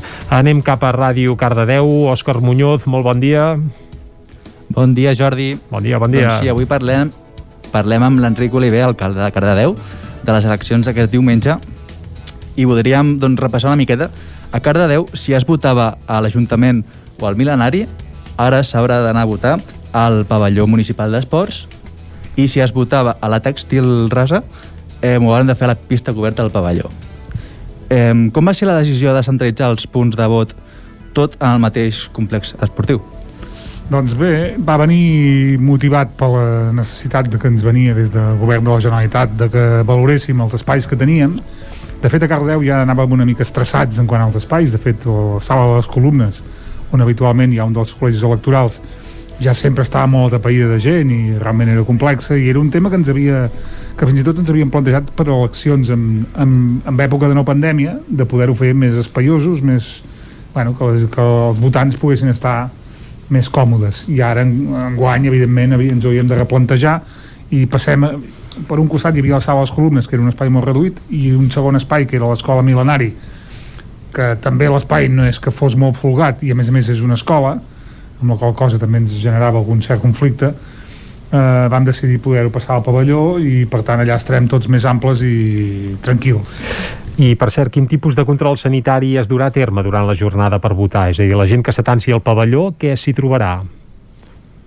Mira, la veritat és que ho tenim molt ben plantejat i ja fa alguna setmana que s'hi treballa i anem fent reunions periòdicament. Demà tenim la darrera de control final, però, per tant, les últimes últimes notícies eh, també van venint segons els dies, no? Però tenim plànols, tenim ubicacions de les meses, ho tenim tot preparat, tanques, circuits d'entrada de, i circuits de sortida la gent s'hi trobarà molt còmoda la gent es trobarà segura i la gent es trobarà en primer lloc que es prendrà la temperatura mm. i a partir d'aquí tot ho haurà molt ben endreçat volem donar molta tranquil·litat doncs la gent que voti, que voti tranquil·la, que d'això es tracta, clar que sí. La situació de pandèmia també ha disparat les peticions de vot per correu fins a xifres rècord a tot Catalunya. Teniu dades d'aquesta participació per correu a Cardedeu, per exemple?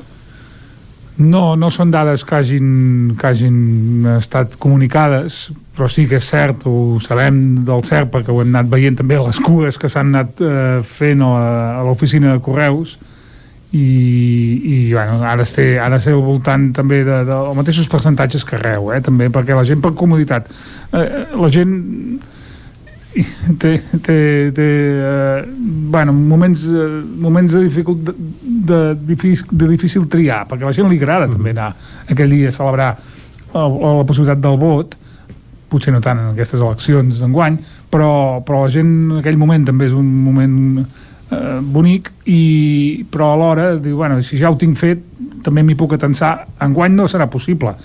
Enguany el que ve a xafardejar què està passant en els col·legis això, aquest no ho podrà fer perquè no podrà entrar en el lloc on se celebra la votació si no va directament a votar o a acompanyar una persona que ho necessiti. Mm. eh, però vaja, sí, sí, que ha incrementat molt el vot per correu, està bé i esperem que en els propers anys ho tinguem més fàcil fins i tot per fer el vot per correu o fins i tot fer un vot telemàtic Clar, perquè estem parlant, el, les últimes, el 2017, va ser la participació d'un 79,09%. Llavors, a aquestes eleccions s'ha fomentat molt el vot per correu, però creus que encara així que es baixarà eh, doncs, la gent a l'hora de votar? Sí, home, la participació va ser extraordinària, la del 2017, eh, darrer. Eh, jo crec que no arribarem al 60%, tampoc ens hem de posar les mans al cap unes eleccions amb un 58-57% són unes eleccions normals i per tant jo crec que estarem al voltant d'aquesta normalitat Val. Perquè ara toca parlar d'un tema molt, que s'ha parlat molt aquests dies, que són les meses electorals, on ja és normal que la gent no li agradi rebre la carta per, on, on et posa el càrrec de taula, però en aquestes eleccions eh, la gent molta gent ha demanat, eh, un de cada quatre persones que li ha tocat la carta eh, ha dit doncs, això de que no volia assistir doncs, per raons mm, sanitàries, bueno, no sé com ho han pogut justificar. Eh, aquí a Cardedeu hi ha hagut d'aquests casos? Sí, sí, ens hem trobat també molts casos, anem controlant diàriament per saber del cert que les meses es podran constituir, això ho tenim garantit, evidentment pot passar alguna cosa greu d'avui a diumenge i que, i que els, els convocats no assistissin, però vaja, pel tarannà que anem veient i per les, per les al·legacions que s'han presentat i s'han estimat, hem anat coneixent quins percentatges s'han anat, anat acceptant i per tant també hem anat reposant i hem anat comunicant a possibles substituts. Nosaltres hem designat nou, nou substitut per cada, per cada membre de mesa. Per tant, hauria de ser un fet extraordinari que exauríssim els nou i tots ells tinguessin ganes de fer al·legacions perquè hi ha qui li agrada ser-hi. De fet és una, és una experiència també curiosa i ja qui li agrada ser-hi, ja qui no i ja qui té motius d'al·legar i ja qui no. Però exaurir nou persones per plaça és molt complicat i per tant els, els que se n'en cuiden eh, m'han assegurat, avui he fet l'última consulta, que estem bé i que podem Va. constituir sense masses problemes. Val, perquè ahir es, es deia que hi havia el 99 de meses eh, es podrien constituir, el 99 hi havia Cardedeu, un 1%. Cardedeu està entre els 99, no, entre, no entre l'1%. No entre l'1%, sí, sí, sí, sí. Vaja, així ho hem comunicat, perquè ens dona la sensació, pel que hem anat veient. De fet, també eh, el company que, que anava repartint les citacions el primer dia ja també ens va donar una sensació de que sí, hi haurà al·legacions però bueno, tampoc la gent mira, al final la gent ho va assumint. També entenc que és molest a vegades passar un diumenge. Jo sí. crec que ara no tant perquè els diumenges tampoc moltes coses no podem fer.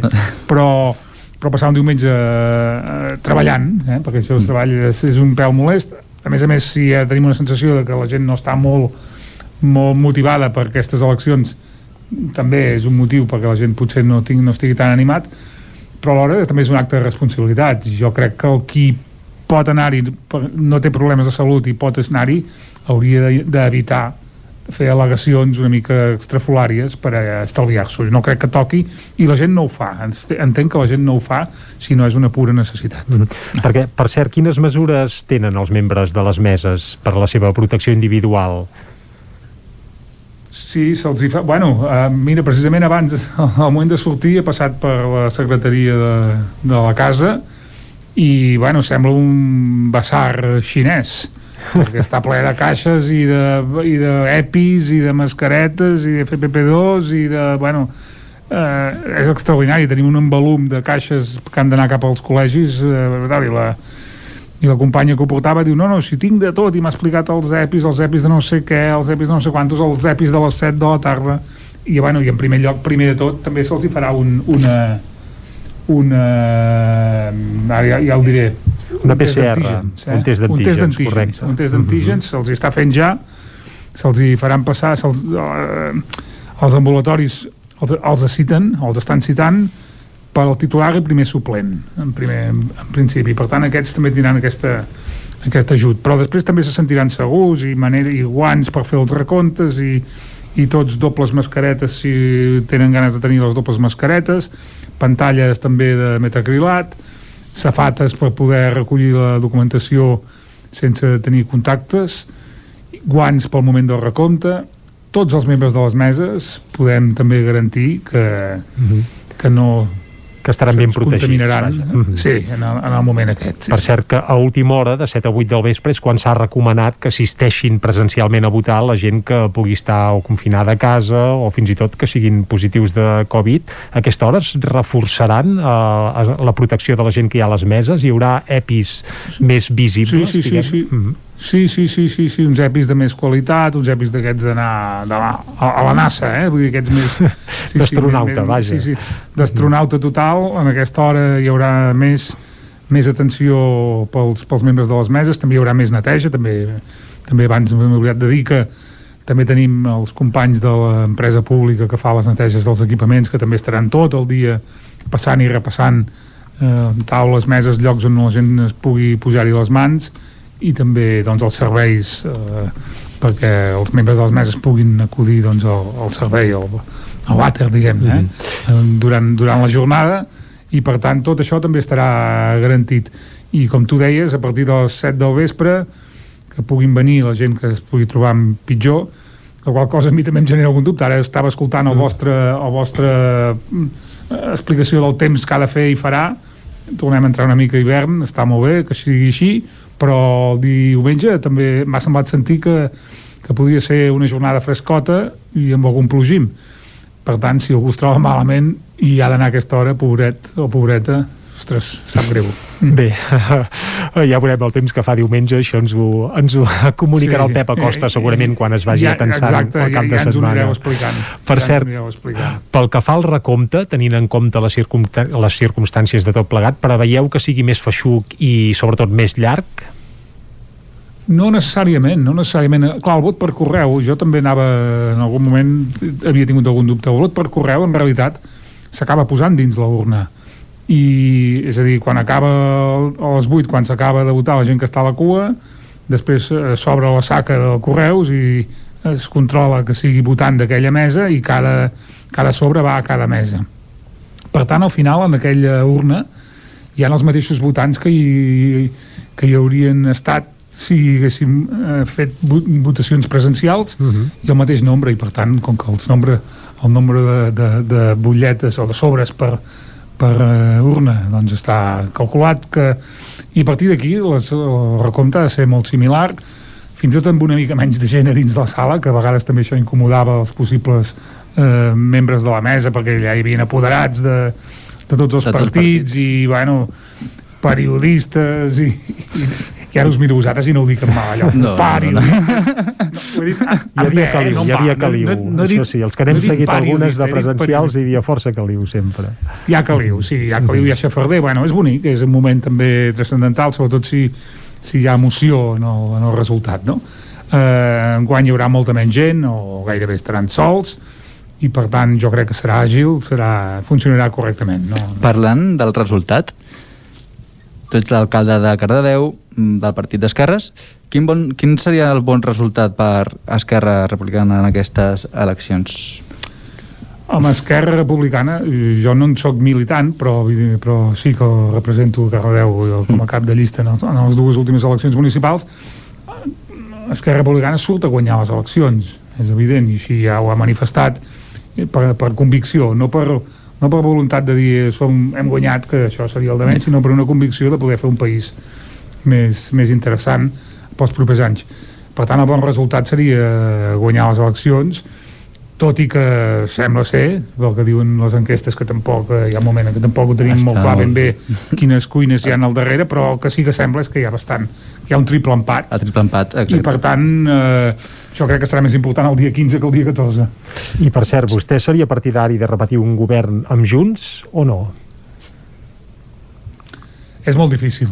La veritat és que és molt difícil repetir perquè hi ha uns, es, hi ha uns, eh, unes situacions que s'han anat aquests tres darrers anys de, de bloqueig eh, bueno, ha generat un malestar general, no només per part d'Esquerra, sinó també per part de Junts, i per tant repetir escenaris que no han funcionat és molt complex, s'hauria d'establir unes bones bases i uns grans criteris. Bé, en tot cas això ho veurem a partir de, com bé dèieu, a partir del 14 de febrer.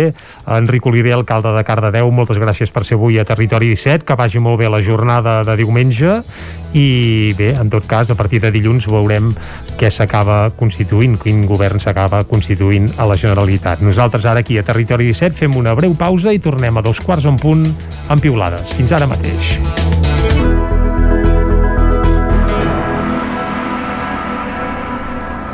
FM, la ràdio de casa, al 92.8. Són temps de reptes. A la Fogonera n'hem aconseguit tres. Servir arrossos d'estrella per emportar i a un preu de justícia.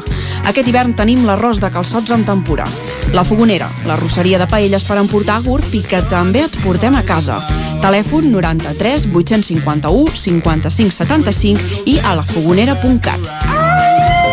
I quan cau la nit, Pupurri Culinari, solucions per sopar les nits de divendres i dissabte. Entra a pupurriculinari.cat i tria. Això és el que s'escolta al voltant d'una caldera saunia d'Oval. tranquil·litat i benestar, perquè gaudeix del millor manteniment del servei tècnic oficial per estar despreocupat. O el que vulgui. Informis a Oficiat Nord trucant al 938860040. Saunier Duval, sempre al seu costat. Com protegir-nos de la Covid-19 en el dia a dia? Millor a l'exterior que a l'interior. Millor amb poques persones que amb moltes. Millor dins la teva bombolla que fora. Millor poc temps que molt temps. Millor persones de risc baix que de risc alt. Informa't a canalsalut.gencat.cat. Sistema de Salut de Catalunya. Generalitat de Catalunya. Cocodril Club.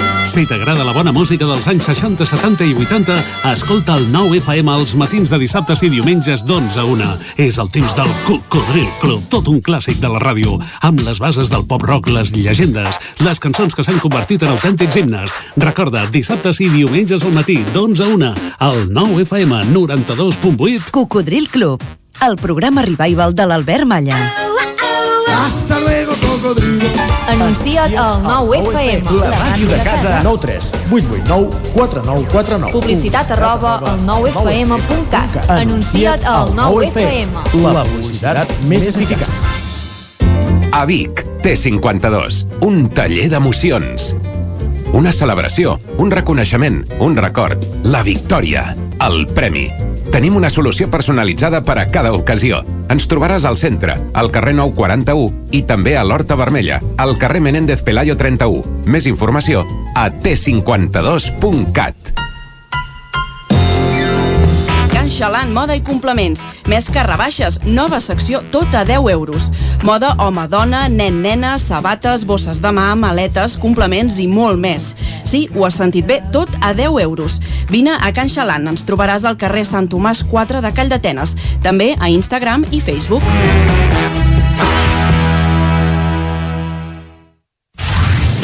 El 9 FM, el 9 FM, el 9 FM, el 9 FM, el 9 FM. Territori 17. Dos quarts d'onze en punt del matí. És el moment de fer un repàs a les piulades i per això ens acompanya, com sempre, l'Isaac Moreno. Isaac, molt bon dia. Bon dia. Què hi tenim avui? Aviam. Comencem una piulada que feia des del Lluçanès, des de Prats, en Josep Guàrdia, ja diumenge, deia, mm -hmm. compartia tot d'imatges de, dels safrejos de, de Prats eh, plens de porqueria, diu, després ens queixem perquè el tanquen, però potser no hi ha cap més solució, la paperera no és pas tan lluny. Doncs d'incivisme. D'incívics el món n'és ple, sí. Es veu que arran dels fets de dissabte a Vic, eh, en alguns sectors de les Espanyes han intentat iniciar un, un si més no per Twitter corre l'etiqueta boicot Casa Tarradellas. Dius, Ara, clar. Però per on s'aguanta, això? Per enlloc. Algú va veure en Tarradellas corrent per allà. En fi, Arnau, com a Joan Capiula, si voleu fer boicot a Casa Tarradellas, no ho feu perquè sigui de Vic, de fet és de Gurb, però feu-ho perquè ens deixa la comarca plena de purins, acapara terres i el sector primari i sustenta macroescorxadors que ratllen l'esclavatge, entre d'altres. I per què no fa pizzas, sinó xiclets? Evidentment hi ha hagut reaccions de tot tipus Bueno, contra gustos no hi ha res escrit. Josep Lluís Garcia, no oblido que els innombrables que passejaven per Vic la seva ideologia feixista imponentment permesa per un estat còmplice són els hereus, un estat còmplice, perdó, són els hereus dels qui mataven i obligaven a l'exili els nostres avis. El meu argelers, no ho oblido. Antoni Moles, advocat, diu no paro de sentir els candidats del 14F que hem de fer un vot útil. I jo em pregunto, útil per a qui? Pel, per la que es presenta? Pels familiars endollats? Pels amics de confiança? Pep Palau, gastrònom, comparteixo la satisfacció de tots els restaurants que a partir d'avui, això ho deia ahir, es podran beneficiar de l'aixecament del desigual confinament municipal. Uh, Torelló comença a ser tendència tu aquesta setmana que és la setmana de Carnaval Marina Barrocal, no estic preparada per començar la setmana de Carnaval sense Carnaval uh, algun mes ja a la, a la línia Doncs Jordi... és el que hi ha. És el que toca. Però bé, per sort, hi ha música com la que hem posat a les 10 aquí Territori 17 per animar-ho tot plegat. Tenim en Miquel Muñoz, entrenador de futbol, molt fan de l'Atlético de Madrid, però que fa un tuit lluant Leo Messi. Y cuando veo salir a Messi del banquillo siempre me viene a la cabeza la frase de Hulk en Infinity War, en plena batalla, cuando parece que están perdiendo y aparece Thor de la nada. Ahora sí que estáis perdidos, dice Hulk. Así sería la aparición de Messi desde el banquillo. Ja seria això. Bé. Uh, més qüestions. Pep Tines diu, ja he votat, ja sé que no interessa a ningú, però m'ha fet gràcia entendre'm amb la cartera. Una cosa, no se'ls podria facilitar un sistema de control més modern i àgil? Pobre ha hagut d'apuntar a mà molta informació i li ha calgut estona. Uh, més coses. Tenim més piolades, per exemple, la... el que comentàvem de la Marina Marrocal, el Xavi Febrer. Quina merda escoltar les músiques del Pollasso pensant que ni podran celebrar el ritual aquest dijous, així tot molt ben explicat per en Xavi. Visca Torelló.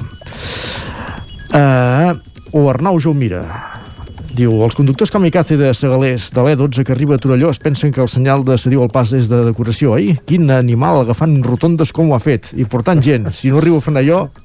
L'Arnau, que per cert, avui el tenim als comandaments de Territori 17 i, i gairebé no arriba per culpa d'en Segalers, eh? Segalers, tu. Mare de senyor. Ostres, ostres. Uh, i tenim més piolades. Teresa Rossell, aquest matí, a principi d'oportunitat, tinc el dubte de quan recorrerà la Fiscalia de qui en depende el tercer grau dels presos polítics, si és abans o després de les eleccions, o fins i tot si ho faran de manera simultània. Són capaços de tot. Francesc Mateu, que aquest matí es llevava en poesia, com no podia ser d'altra manera, comença el dimarts fresc i inventat. Sobre el matagalls ha tornat el mateix núvol circular que ja, ja el tapava. Avui el sol, més que sortir, sembla encendre. Bon dimarts. Un poeta. Iñaki Escudero penja una imatge de l'Ajuntament de Madrid amb tot d'estanqueres penjades als balcons i diu la majoria d'ajuntaments prohibeixen penjar roba dels balcons però no diuen res dels draps, patri... dels draps patrioders. I una altra de les polèmiques de les últimes hores és aquest mural esborrat a Barcelona. L'alcaldessa Colau piulava. Aquest mural no s'hauria d'haver esborrat. Tot i que no hi ha hagut cap ordre política, és un error que no s'ha de repetir i per això hem demanat ja revisar el protocol que s'ha aplicat. Anna Pont, que no ho deixa escapar, repiula i comenta. Quan net jo era petita vaig tirar la flauta de la meva tieta pel balcó. Després, intuint la bronca que m'esperava, vaig dir que havia estat el gat. Per cert, que el mural era de, bé, amb el Borbó i en homenatge al Pablo Hasél demanant la seva llibertat, perquè recordem que en teoria aquest divendres hauria d'ingressar a presó esperem que no sigui així, però vaja, el divendres se li acaba el termini que tenia de 10 dies per ell mateix entrar a presó. Ja ha dit prou que no hi aniria, per tant que el vagin a buscar, però bé, en tot cas, el mural anava per aquí. Correcte. Mm -hmm. Anem a repassar portades l'edició del Vallès Oriental del 99.cat. Una dona mor en un xoc a la variant de Cardedeu. Jutgen dos homes per barallar-se després de tenir un accident de trànsit a Granollers.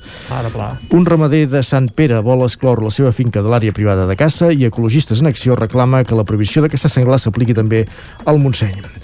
Carreguem ràpidament la portada vermella, la de l'edició d'Osona i el Ripollès, que a aquesta hora titula els usuaris de l'R3 reclamen una aposta en ferm per l'accessibilitat, un dijous llarder per emportar, és el que hi haurà aquest dijous amb el tradicional dijous llarder de la plaça de Vic, serà el sucre i podràs anar a buscar l'entrepà, però no hi haurà més celebració que aquesta. Entrevista al president del Club Tenis Vic. El Club Tenis Vic és un club en què totes les generacions se senten còmodes i mor als 90 anys l'empresari Pere Roquet de Tona. Moltes gràcies, Isaac. Perquè bon dia. I nosaltres el que farem ara és anar cap a la taula de redacció.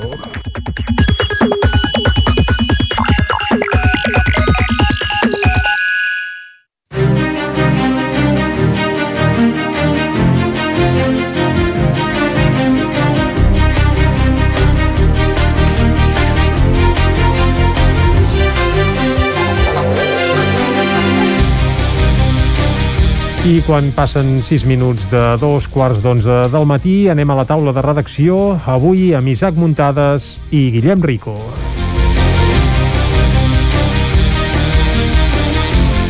I per començar anem cap a la veu de Sant Joan amb l'Isaac Muntades que ens parlarà de com està anant la campanya electoral al Ripollès. Isaac, molt bon dia. Molt bon dia, Jordi. Gaire animats o no?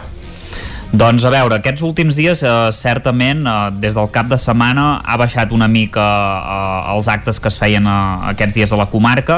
S'ha de dir que realment eh, aquesta campanya electoral aquí al Ripollès han vingut eh, força vegades els partits, sobretot els que tenen més implantació territorial, que en aquest cas seria doncs, eh, Junts per Catalunya, també el, el PDeCAT com aquesta, eh, eh, bueno, l'excisió de Junts per Catalunya o potser s'hauria de dir al revés més, més aviat i també d'Esquerra Republicana que, que ha apretat sobretot en aquest eh, tram final Esquerra Republicana que recordem que havia fet doncs, la presentació dels cartells a l'inici de la campanya amb Teresa Jordà uh Mhm. -huh. fins a dissabte no havien fet un acte pròpiament de, de campanya però a partir de dissabte doncs, es van tornar a reactivar amb la visita de la consellera d'Agricultura doncs, eh, al mercat de Ripoll una mica copsant l'opinió també d'aquest sector eh, primari també fent defensa de, de la sanitat a davant del centre d'atenció primària i ahir també els republicans doncs, van fer una trobada amb la UIR, en aquest cas ja per parlar una mica més d'economia de, i, i de les ajudes que, que proposen pels sectors afectats per la pandèmia, que en aquest cas ells proposaven 618 milions d'euros. Eh? Uh, també Junts per Catalunya ha anat uh, bastant amb aquesta línia de, també d'ajudes als sectors, això ho va expressar uh, Salvador Vergés, que és el número 3 de la llista que va ser a la Vall de Camprodon, Sant Joan de les Abadeses i també doncs, a Espinavell aquest dissabte, també per parlar doncs, vessant de, de petits productors, vull dir que una visita també que era la tercera ja que feia Junts per Catalunya en aquests dies a la, a la comarca, en què ha vingut dos vegades la, la número 1 per Girona, Gemma Geis, per tant realment eh, el partit de Carles Puigdemont també ha vingut bastantes vegades aquí a, a la comarca i parlant també de, de l'R3, que ja és un clàssic fer la conferència de premsa davant de, de l'estació de tren de Ripoll. Sí, de parlar en parla I... tothom, però, però sí, bé, el més calent exacte. a l'aigüera, eh? Però bé, de fet, de fet el, el... això és la paradoxa, eh? que com que es parla cada, cada eleccions vol dir que segurament no se soluciona, perquè si es continua parlant i fent aquesta visita vol dir que no s'acaba de trobar una solució. De fet, en aquest cas el PDeCAT també sembla que volia reunir-se amb el col·lectiu perquè no ens fotin el tren i també va ser doncs, a la comarca, també ha estat en tres ocasions. Recordem que el PDeCAT eh, és un partit doncs, que té tres representants de la comarca, l'alcaldessa de Can Dolors Costa, també té el candanolenc Oriol Lázaro i l'exalcalde de Ripoll i ex delegat del govern a Girona Eudal Casadesús per tant té bona representació ripollesa i ells també doncs, han parlat de sanitat, sobretot eh, recordeu que Dolors Costa és patrona de l'Hospital de Can Dano, per tant és un tema que domina eh, bastant i a més a més doncs, es van reunir també amb els empresaris i, i bé, han pogut eh, fer diverses eh, visites amb la consellera eh, exconsellera Àngel Chacón i candidata va ser a la comarca en precampanya no, no hi ha estat aquesta campanya però sí que hi va ser-hi en, en la precampanya i en aquest cas sí que ha vingut el cap de llista Jaume Dolçat en dues ocasions. Per tant, ja veieu que els tres principals partits han fet bastants actes. Uh -huh. En canvi, els partits, diguéssim, eh, que, no se, que serien més unionistes, però amb una vessant més catalanista, com puguin ser en Comú Podem i, i el PSC, eh, van venir sobretot a principi de la campanya, en Comú Podem també va explicar la seva opinió sobre la sanitat davant de l'Hospital de Can Davant amb la cap de llista Rosa Lluc, per tant també van venir ben aviat a la comarca i el PSC va fer una visita més discreta, més de treball, eh, visitant també la vall de Camprodon, reunir-se amb la plataforma El Ripollès Existeix, en aquest cas amb el diputat al Congreso a Madrid, Marc Lamois, i dels altres partits democràtics diguéssim no hi ha hagut eh, actes perquè ni uh, Ciutadans ni el PP han vingut, no solen venir des de fa bastant temps a, a la comarca. Fet, no venen uh, de fet, perquè Ciutadans tampoc no ha vingut... tenen gaire sí, estructura sí. a la comarca, diguem-ne. No tenen gaire estructura sí, i de fet ni, Ciutadans... Ni regidors, ni... Exacte. Ja no diguem Exacte. alcaldies, clar. Exacte. Crec que Ciutadans no ha vingut mai i el PP em sembla que no té un regidor des de fa 20 anys i ha vingut en alguna ocasió però ara no. I evidentment doncs ja sabeu l'acte de Vox que hi va haver i que no va tenir uh, bé, major transcendència política per les propostes que s'hi van fer que per al Ripollès doncs, van ser nules. Mm -hmm. Isaac, moltes gràcies per aquest repàs a com està anant la campanya electoral al Ripollès i del Ripollès anem cap a Osona amb en Guillem Rico que ens parlarà d'un fet del qual ens fèiem ressò ahir i és que aquest cap de setmana a Tavernoles un grup de gossos, no sabem si salvatges o no, eh, va matar més de 200 xais. Sí, Guillem, 221 com... xais 221, del Mas Serra Bou, eh, uh -huh. un, bueno, un, una casa que són ramaders de tota la vida i això, eh, van arribar eh, el divendres a la nit ho van deixar tot a punt perquè sempre ho deixen més a punt el divendres perquè el dissabte no hi hagin d'estar tanta estona per anar a donar els menjar als animals i, i tenir-ho mm -hmm. tot i quan van arribar el dissabte al matí es van trobar amb això doncs amb llavors encara no eren 221 xais morts perquè n'hi van haver alguns que els van haver de sacrificar per l'estat en què els van trobar que va, va fer falta sacrificar-los. Alguns van morir ferits, per les per mossegades i esquinçades d'aquests gossos i altres van morir eh, simplement ofegades de, de, de la tensió del moment de, que es devien muntegar totes eh, per, per apartar-se de d'aquests gossos, de l'atac, doncs van acabar morint ofegades. En total això, 221 aquests gossos haurien saltat dues tanques per arribar fins al lloc on, on hi havia els xais. Eh, quan van arribar al matí els gossos no eren en lloc, sí que creien que eren més de dos, perquè com a mínim dos, però deien més de dos per les mossegades que van trobar, que sí que els rurals i Mossos van, van veure que sí que eren de gos, uh mhm. -huh. perquè tal com estaven esquinçades deien que això havien de ser més d'un, perquè algunes estaven com si les estiressin per cada banda. Per tant havien de ser, havien de ser més d'un i deien que havia passat, hauria passat a la nit més que a la matinada perquè quan van arribar al matí ja estaven molt fredes i que per tant doncs, ja feia, ja feia estona. que, que havia passat. Clar, això s'emporta per terra doncs, la feina deien hem perdut l'any deia en Francesc Dax que és el, propietari de, de l'explotació des de des de principis d'any, diguem, perquè el pare es va jubilar a finals de desembre i ell era el relleu generacional, el relleu generacional. que ell ja, ja, hi havia, ja hi treballava abans i tenien aquests xais molts que els hi quedaven re, 15 dies per uh, uns quants d'aquests, ja 15 dies o així Per que ja els havien engreixat prou Mhm. per, ja per, per endur-se'ls en aquest cas per, ells treballen també per per carnisseries i doncs uh, se'ls havien d'endur per això calculen unes pèrdues Uh, dèiem uns 17.000 euros ara um, ho xifren en més amb, amb 20.900 um, i ho diuen també en una iniciativa que han engegat que van engegar ahir, que es diu Fem Ramat uh, que és per recaptar diners per pal·liar doncs, a, la, a, la, a les pèrdues que, que els genera amb aquest amb aquesta família, no? Par- parlaven això, que havien tocat feina de generacions, deien això ens mossega per dins, perquè a part de, de la feina que fan el responsable d'ara amb dos nanos joves que deia ell que té treballant allà Mhm. que que dia, eh, a l'hora que sigui eh, quan sigui, pel que sigui acaben anant allà per si ha de parir algú, a la, algun Sí, no, animal a la nit per si bestiar no hi ha horaris, està això molt ja lligat sap. i això Mhm. no hi ha horaris a part d'això, és una feina que s'ha de, de, del MAS que s'ha anat treballant des de generacions i i clar, això també els tocava hi havia aquesta part també sentimental que estaven molt tocats, molt tocats per això.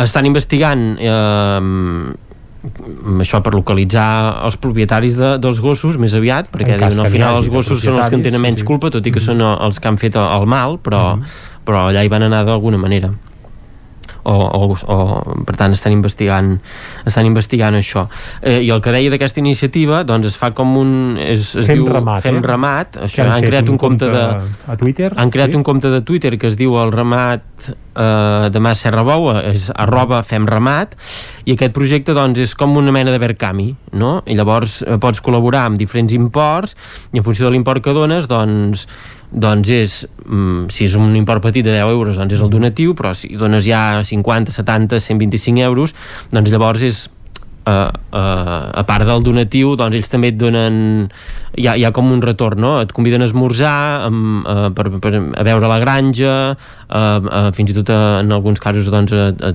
uh, hi ha alguns productes de formatges o que et poden, que et poden donar per tant els diners que recullen aniran per finançar el, La els esmorzars o el, que, el retorn d'això i, i- i la- i l'altra part doncs, per, per compensar una mica el ramat també per posar en valor la feina de, de, de, del sector no? uh, i per ells doncs, poder, poder poder recuperar part d'aquestes pèrdues que al final no, ells se'n van anar a dormir el divendres i van tornar el dissabte al matí per, va, uh, I es troben aquesta tragèdia. aquesta tragèdia de, de valorada en almenys 20.000 euros i això Perquè, doncs per cert, un Guillem, sector que ja està eh, tocat mm, durant el cap de setmana es va fer una crida tant des de, recordo, l'alcalde de Tavernoles, el Carles mm. Benús i altra gent del sector, eh, que si algú havia vist alguna cosa, Exacte. si algú sabia res, doncs que ho fes públic i que ho fes notori. No sé si hi ha hagut alguna... per ara que Per ara sapiguem no, encara estan investigant qui qui d'on haurien sortit aquests, aquests gossos per tant eh, pendents de- d'això. De, fet eh, havien de formalitzar la denúncia encara el diumenge a la tarda eh, per tant doncs, la investigació doncs, encara deu anar seguint el, el seu curs. Ells de moment això han creat aquesta iniciativa i anirem veient a veure com, com respon la, la gent. Per cert, que aquesta iniciativa porta recollits ja en només un parell de dies 18.700 euros. Per tant, estan a punt de- Estan d'assolir l'objectiu i recordem que els Vercamis, els projectes de micromecenatge, duren 40 dies, per tant encara en deuen quedar uns 37 Doncs sí, a gairebé 38, tots. per Sí, tant, possiblement eh, assoliran l'objectiu tant de bo per això que no s'hagi de lamentar una altra situació com aquesta, que recordem, fa uns dies en van parlar també d'un cas similar a Centelles, on un grup de gossos Sí, parlàvem la, fa, feia una setmana, Mhm. sí. Guillem Rico, moltes gràcies per a aquesta tragèdia d'aquest grup de xais, més de 200 xais que van morir per l'atac d'uns gossos. Això va ser a Tavernoles dissabte passat a la nit o matinada. Fer, tanquem aquí ara la taula de redacció i de seguida el que farem és anar cap al Buscat, la vida amb la Txela Falgueres.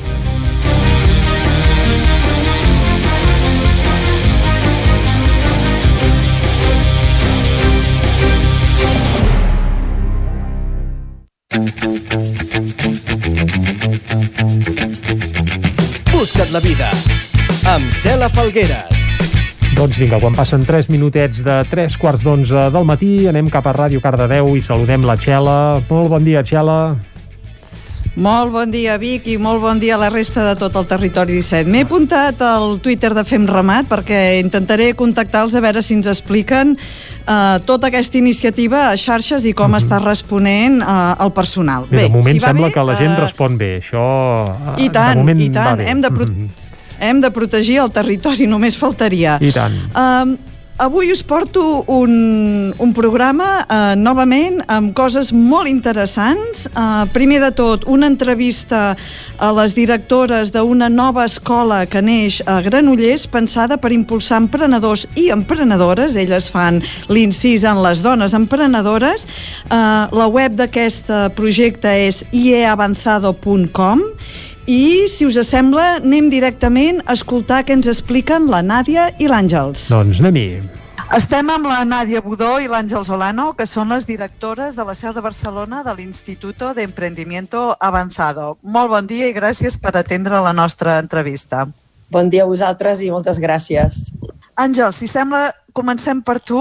Com et definiries? Qui és l'Àngel Solano? Pues L'Àngel Solano és una persona que de formació en dret, tota la vida dedicada a assessorar empreses i molt connectada amb tot el que té a veure amb llançar projectes, veure quina és la millor manera, el millor país, el millor projecte, els millors partners. Per tant, tot el que vingui, tingui a veure amb l'empresa, ja sigui petita o gran, eh, és un repte per nosaltres i som tenim experiència. Qui és la Nàdia? Soc una persona que porto més de 25 anys dedicada al món de la, de la formació, vale? en concret sobretot la, la formació superior una vegada acabats els estudis eh, universitaris. Eh? Soc llicenciada en Publicitat Relacions Públiques i tinc un màster en Màrqueting i també em considero una dona emprenedora, sempre amb ganes d'iniciar nous projectes. Crec que sempre seré així i ara, doncs, de la mà d'una gran amiga que em va proposar doncs, fer alguna juntes, doncs mira, estem tirant endavant un projecte en el qual estic molt, molt il·lusionada i continuo amb el meu món, que és la formació. Exacte, això anava a dir, no? A Instituto de Emprendimiento Avanzado. Té la seu a Madrid i la seu de Barcelona, pam, és a Granollers, no? Com passa això? Doncs ve una mica de, de la pròpia realitat del món globalitzat. Com has dit molt bé, ens plantegen, eh, ens plantegem la Nàdia i jo com amigues i col·laboradores fa moltíssims anys el fet d'emprendre de, aquest projecte i a l'hora d'ubicar diem per què ha de ser Barcelona. Naturalment el reclam de Madrid és fer-ho a Barcelona. I pensem en el potencial que té la nostra comarca. Pensem en el que suposa la gran oblidada Osona. Pensem en els dos Vallessos com a motor del PIB català i diem no, eh, volem fer-ho a la nostra comarca, volem apostar i volem demostrar que tant se val on sigui la seu social. Lo important és el potencial, la idea i la globalitat dels propis serveis. Per tant, apostem per la Vallès Oriental, apostem per Granollers i apostem per, el, per la seu i el cor de, de, la, de la comarca, que és la Porxada, que és on està la nostra escola. Un cop vam explicar això, van entendre, els vam enviar la història, el potencial de la comarca i van dir aquestes dones tenen raó. I sobretot el perfil que volien. Volien ser la primera escola dirigida per dones. Quin és el vostre ADN? Què fa aquesta escola diferent, no? Perquè tenim, mm, primer de tot, està fora de, de Barcelona i de l'òrbita de les grans escoles de negocis tradicionals. Però quin és l'ADN que fa que aquesta escola pugui aportar un valor diferent? pues la pròpia manera de fer les coses avui en dia. Ah, de la mateixa manera que diem que, que moltes carreres universitàries no responen a la realitat del que necessiten les empreses, que els perfils buscats són transversals, que tenen a veure també en caràcters humans, amb empatia, amb resiliència, amb un munt de coses, hi ha un munt de formació totalment transversal, doncs la, la manera de fer negocis és també així. I el que nosaltres volem fer és primer formar i després acompanyar a l'emprenedor des del començament fins que el seu projecte pugui volar. I després, si vol, també doncs, inclús assessorant-lo, guiant-lo, convocar-lo a fires, a fent rodes de, de finançament perquè puguin créixer més. És a dir, aquesta és la manera amb el que avui en dia es fa negocis i és la manera en què nosaltres volem transmetre. I sobretot el futur de la gent jove. I sempre els hi diem, els hi volem transmetre il·lusió, uh, als emprenedors, a l'autoempleo, a l'autoempresa, és un gran futur. No poden esperar que els hi portin la feina a casa. Han de tenir un somni, han de veure que tenen una actitud i un perfil i aquí estarem nosaltres a l'escola per ajudar-los amb tot el procés, amb tot el camí. Ah, la formació eh, és capdalt amb la nostra vida professional. Nosaltres a la nostra escola el que volem és fer un seguiment molt individualitzat i molt personalitzat de l'alumne. De fet, tenim grups molt, molt reduïts i volem que aquest alumne nostre que comença amb nosaltres la formació fins que arriba a, a, a posar en marxa el seu, el seu projecte no es desenganxi mai de nosaltres, que sempre, sempre, sempre, durant la vida de la seva empresa inclús, eh, sap que ens té a nosaltres al seu costat per ajudar-los. O sigui, volem que formin part de la família de, de l'Institut d'Emprenament Avançat, sempre. Llavors, les, les classes són nosaltres el que volem, no volem el típic, eh, amb tot el respecte, eh, el típic professor catedràtic que potser no ha trepitjat mai eh, una empresa. No? El que nosaltres volem pels nostres alumnes és un professional que sigui, que visqui dia a dia al món de l'empresa i que pugui aportar aquests coneixements pràctics als nostres alumnes. Llavors volem que la formació que tinguin sigui aquesta, eminentment pràctica. Arrenqueu la seu de Barcelona barra Granollers enmig de la pandèmia. Teniu un model mixt o esteu fent formació online perquè això ja és per quedar-se? Com ho gestioneu? De moment l'estem fent online, evidentment, perquè, clar, eh, ara amb tot el tema del Covid doncs és molt complicat fer-ho presencial o semipresencial, però la nostra idea, evidentment, és que quan tot això passi eh, podem retornar a les classes eh, presencials o semipresencials. I dintre de la metodologia, eh, hem, hem endegat eh, conjuntament amb Madrid, naturalment, eh, dues eines setmanals que ajuden una mica a veure i a llançar aquest missatge positiu i a que la gent s'enganxi amb la manera de treballar nostra. Uh, fem dues sessions que són gratuïtes, una és el dimarts de l'emprenedor, en el que presentem un cas d'èxit que vol compartir amb tothom doncs, com ha estat el seu començament, quins reptes, quins obstacles, i en aquests moments és un cas d'èxit. I després fem el dijous d'actualitat, que ve una personalitat amb un tema d'actualitat i no només per informació, sinó des, del món, des de la vessant de l'empresa, per què volem aquesta informació? La volem per prendre decisions amb els nostres negocis, amb els nostres projectes, amb el nostre dia a dia. I aquestes dues eines que s'estan que fent de manera gratuïta doncs d'alguna manera doncs, acaben de, de donar aquesta empenta en aquests moments de, de pandèmia, compartir i després poder rebre les consultes dels participants doncs, ha estat molt enriquidor. De fet, abans que ens has preguntat amb el tema del fet diferencial per les dones, doncs nosaltres tenim un màster, un, bueno, un, un curs de lideratge de dones, que és molt interessant. A més a més, és diferent de lo que et pots trobar a altres llocs, perquè està fet per dones, no? que és, eh, hem vist realment quines són les nostres necessitats com a dones. I, de fet, ja, per exemple, ja t'ho aviso que el, el proper 25 de febrer, a quarts de vuit, en, una, en un d'aquests dijous d'actualitat eh, ens ve la directora de l'Institut Català de les Dones, la Laura Martínez, ens farà una xerrada, eh, estarà obert amb, amb Zoom, on parlarà de l'emprenament de les dones. Llavors, doncs, bueno, crec que serà una, serà una xerrada molt, molt interessant. Vosaltres oferiu màsters, postgraus... Quin és ara per ara el, el programa que està tinguent més èxit? Nosaltres tenim els màsters, com el màster per emprenedors, màster en màrqueting per emprenedors, tot sempre per emprenedors de finances, etc. Tenim aquests màsters que tenen una duració de, de 9 mesos, ¿vale? que evidentment aquests màsters comencen al setembre durant tot, tot el curs acadèmic. Després tenim els FAST MBA, que també estan eh, dirigits a, a emprenedors, eh, que aquests tenen duracions de 7 setmanes, 5 setmanes, depèn del curs del qual l'alumne estigui, estigui interessat. En aquest pot començar en qualsevol moment, o sigui, no hi ha un, un moment d'inici i un moment de finalització, sinó que encara que hagi iniciat el curs sempre el poden reprendre. I després tenim cursos més curts, com són els workshops, cursos, etc, doncs que tenim de neuromàrqueting, per tema d'oci, gestió d'hotels, etc, que aquests cursos poden durar doncs, una, dues setmanes, són online ara, de moment, i, i, bueno, i després, a més a més, nosaltres treballem a través de la Fundae, que també donem formació in company a les empreses. Sí, un fet diferencial seria aquest, que tenim la capacitat d'agafar una empresa, veure què és el que ha fet eh, doncs, els últims anys en formació, veure si ha utilitzat aquest crèdit de la Fundae o no, examinar doncs, la seva capacitat econòmica per, eh, per planificar i per fer una estratègia de formació a nivell mm, a càrrecs mitjos, de, depèn de, de, de, de quin, a quin perfil de l'empresa ens estem dirigint i tenint la capacitat de fer-li un curs a mida. És a dir, la teva pròpia empresa, dintre d'un sector, es vol diferenciar en una àrea determinada. Doncs nosaltres el que fem és extreure assignatures de diferents cursos i fer el curs a mida per a aquella empresa que no té res a veure amb el mateix curs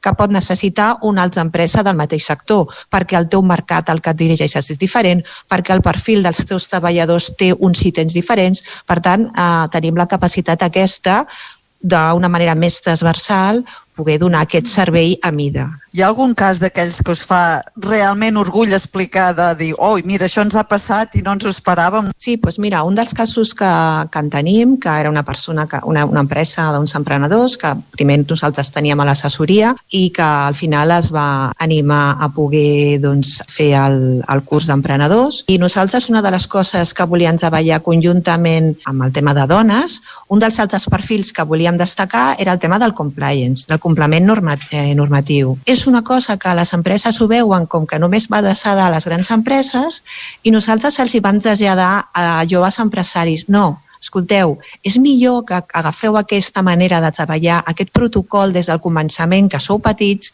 perquè quan sigueu grans eh, doncs ja tindreu interioritzat aquesta manera de funcionar i veureu com tindreu un altre tipus de visualitat. Pues tenim un client en concret, uns alumnes que gràcies a que van començar a, a interposar doncs, amb, la, amb el seu dia a dia el mecanisme i el protocol del compliance han aconseguit un contracte perquè aquest nivell de transparència i aquest nivell de compliment els ha donat una garantia davant doncs, de, de possibles persones que podíem tenir el contracte que ells tenien i la resta no. Per tant, aquest ha estat un cas de gent molt, molt jove, eh, no arribant als 25 anys, que volien endegar un projecte i que ni més ni menys els hi van proposar doncs, iniciar el procediment de compliance. Ells van confiar en nosaltres i gràcies a això doncs, han pogut tenir un dels millors contractes que mai s'haurien esperat. Quins projectes immediats teniu per la vostra seu a Granollers? A veure, nosaltres eh, el que volem és eh, que la implantació d'aquesta escola eh, a Catalunya, estem a Granollers però és a Catalunya perquè ja no només agafem el que és Vallès Oriental, Vallès Occidental, també agafem Osona, Ripollès, etc. Volem que, que tot Catalunya ens conegui. El que volem és eh, aconseguir ser un referent per als emprenedors a tot Catalunya, que sàpiguen que som una escola que ens dediquem a ells, que els ajudem, que els acompanyem i que, bueno, pues que sempre ens tinguin, ens tinguin en compte. Moltíssimes gràcies, Nàdia. Àngels, convidar tots els nostres oients que s'apuntin a tots aquests esdeveniments formatius que són gratuïts, de qualitat, amb professionals que expliquen de primera mà les seves experiències. M'agradarà tornar a parlar amb vosaltres d'aquí un any i que m'expliqueu com ho esteu patant. Gràcies. Ets, ets, seràs benvinguda, ets, seràs de casa. Sempre que vulgueu. Moltes gràcies. Moltes A gràcies. vosaltres. Doncs l'app d'aquesta setmana és Clubhouse, de la que ja us vaig presentar 5 cèntims la setmana passada. De fet, un parell d'aclariments. Uh, vaig dir, és la nova xarxa social de moda, i després en Jordi me deia, no, no, a mi la moda no m'interessa. No, Eh, havia d'haver eh. dit, és la nova xarxa social que està de moda. D'acord? I llavors, l'article que vaig Sí, l'article que vaig llegir deia que es necessitaven dues invitacions per poder-hi accedir. Uh, jo en vaig demanar dues, però crec que al final hi he entrat amb una. És a dir, ja tinc perfil de Clubhouse i ara us ho puc explicar des de dintre. Un breu resum. És una xarxa social on només s'utilitza la veu, ni missatges, ni imatges, ni memes, ni vídeos, i per cert, alerta si no tens tarifa il·limitada de dades perquè pots anar xupant allà que no vegis. Els usuaris es segueixen uns als altres i pots veure qui t'ha padrinat enviant el codi, aquest codi preuat que t'ha donat l'accés, eh? És a dir, eh, si vas al meu perfil, Xela, veuràs que el, el meu benvolgut Jordi Esqueriguela és el que m'ha donat accés. Per tant, és el que me va acabar enviant aquesta invitació I també pots veure en el perfil dels usuaris quins clubs estan seguint. Dins els clubs hi ha les sales, o rooms en anglès, on s'hi troben converses de totes les temàtiques. Per exemple, hi ha molts matins de breakfast clubs, que són en diferents idiomes. Es poden trobar relax, eh, sessions de relaxació pel vespre, taules rodones per parlar de màrqueting, etc. La temàtica és molt, molt, molt diversa. En general, hi he trobat molts dels sospitosos habituals, no? aquelles persones que estan ficades en moltes altres xarxes socials i que ja tenen el seu cercle de relacions que reprodueixen a Clubhouse en un format àudio. Pots anar voltant per les diferents sales. De fet, eh, hi ha un calendari que t'indica totes les activitats que estan programades segons eh, les persones, els clubs o les sales que segueixis i un cop s'ha acabat la conversa, a diferència d'un podcast, ja no la pots recuperar. Per mi, eh, què estan fent molt bé aquesta gent? El tema exclusivitat l'iPhone eh, eh, encara no funciona ni per iPads ja sabem que els usuaris de l'iPhone som uns pijos i tothom ho sap o sigui, Ara, només s'hi pot accedir per iPhone d'acord? Recordeu que Instagram va néixer només per iPhone també inicialment. La invitació, eh? per cert, tinc dues invitacions, si algú vol explorar que me contacti per missatge directe d'Instagram i us enviaré una invitació perquè pugueu crear el perfil i llavors també hi ha bastants personatges influents que hi han tret al cap. Per, de fet, l'Elon Musk, el de Tesla, el 31 de gener hi va donar un bon impuls anunciant que participaria en una de les sessions. De fet, també aquesta eh, xarxa no deixa de tenir polèmica i ja està bloquejada a la Xina. La pregunta d'Humilió, la faré servir? Doncs la veritat és que no ho sé. Eh? Per mi una mica aquesta gent que està tan, tan, tan amb xarxes, eh, qui, té, qui no té feina el gat pentina, eh? diguem-ne, jo no tinc temps per activar tantes xarxes, uh -huh. eh, per tant, el, el més segur és que hi trauré el cap un cop cada setmana o això, per veure què passa i com va evolucionant, però no sé si tindré prou temps i energies per activar el meu perfil i que va fent la meva sala i xerrar de no sé què. A més, de fet, ja estic a Territori 17, perquè vull Clubhouse, no? Bé. Vinga, si us sembla. Uh, no hi poso nota, uh, valorarem com va evolucionant tot plegat i ja en parlarem més endavant, si cal. Uh, anem a les notícies de la setmana. Anem-hi. En format molt breu, en Jeff Bezos anuncia que deixarà la seva posició de president executiu a Amazon i el substituirà l'Andy Jassy, que és l'actual responsable d'Amazon Web Services. Si recordeu, són aquests serveis d'allotjament que hem estat comentant en tantes altres ocasions i que encara que Amazon ens sembli que on realment ho estan patant molt és a la botiga, sapigueu que AWS, que són els web services aquests, és on realment hi ha el negoci i també recordem que Twitch, que també està pujant com l'escuma, també és del can Amazon. Segona notícia breu. Twitter confirma que experimentarà amb nous models de negoci com les subscripcions en aquest any 2021. I per acabar, Tesla va comprar 1.250 milions de dòlars en bitcoins, disparant encara més el valor d'aquesta criptomoneda i no descarta que es pugui acceptar com a mètode de pagament pels seus vehicles en un futur proper. Mm. I amb això acabem aquest Busca la vida aquest dimarts de febrer abans de les eleccions. Doncs, Xela, t'esperem la setmana que ve eh, amb les eleccions ja fetes. Sí?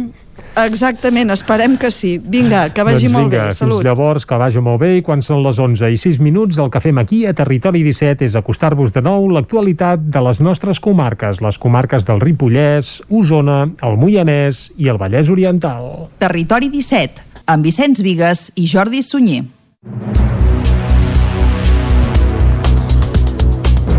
La Junta Electoral de província ja s'ha manifestat sobre quin protocol caldrà seguir si alguna de les meses del 14 de febrer no es pot constituir per absència de les persones que hi havia citades. Tot i que el reglament electoral determina que la vacant d'una mesa hauria de ser ocupada pel primer elector que s'hi presenti per exercir el vot, la Junta Electoral de província descarta aquesta opció perquè és esperable l'afluència d'electors d'avançada edat a primera hora, ja que la franja de 9 a 12 es reserva als col·lectius de risc.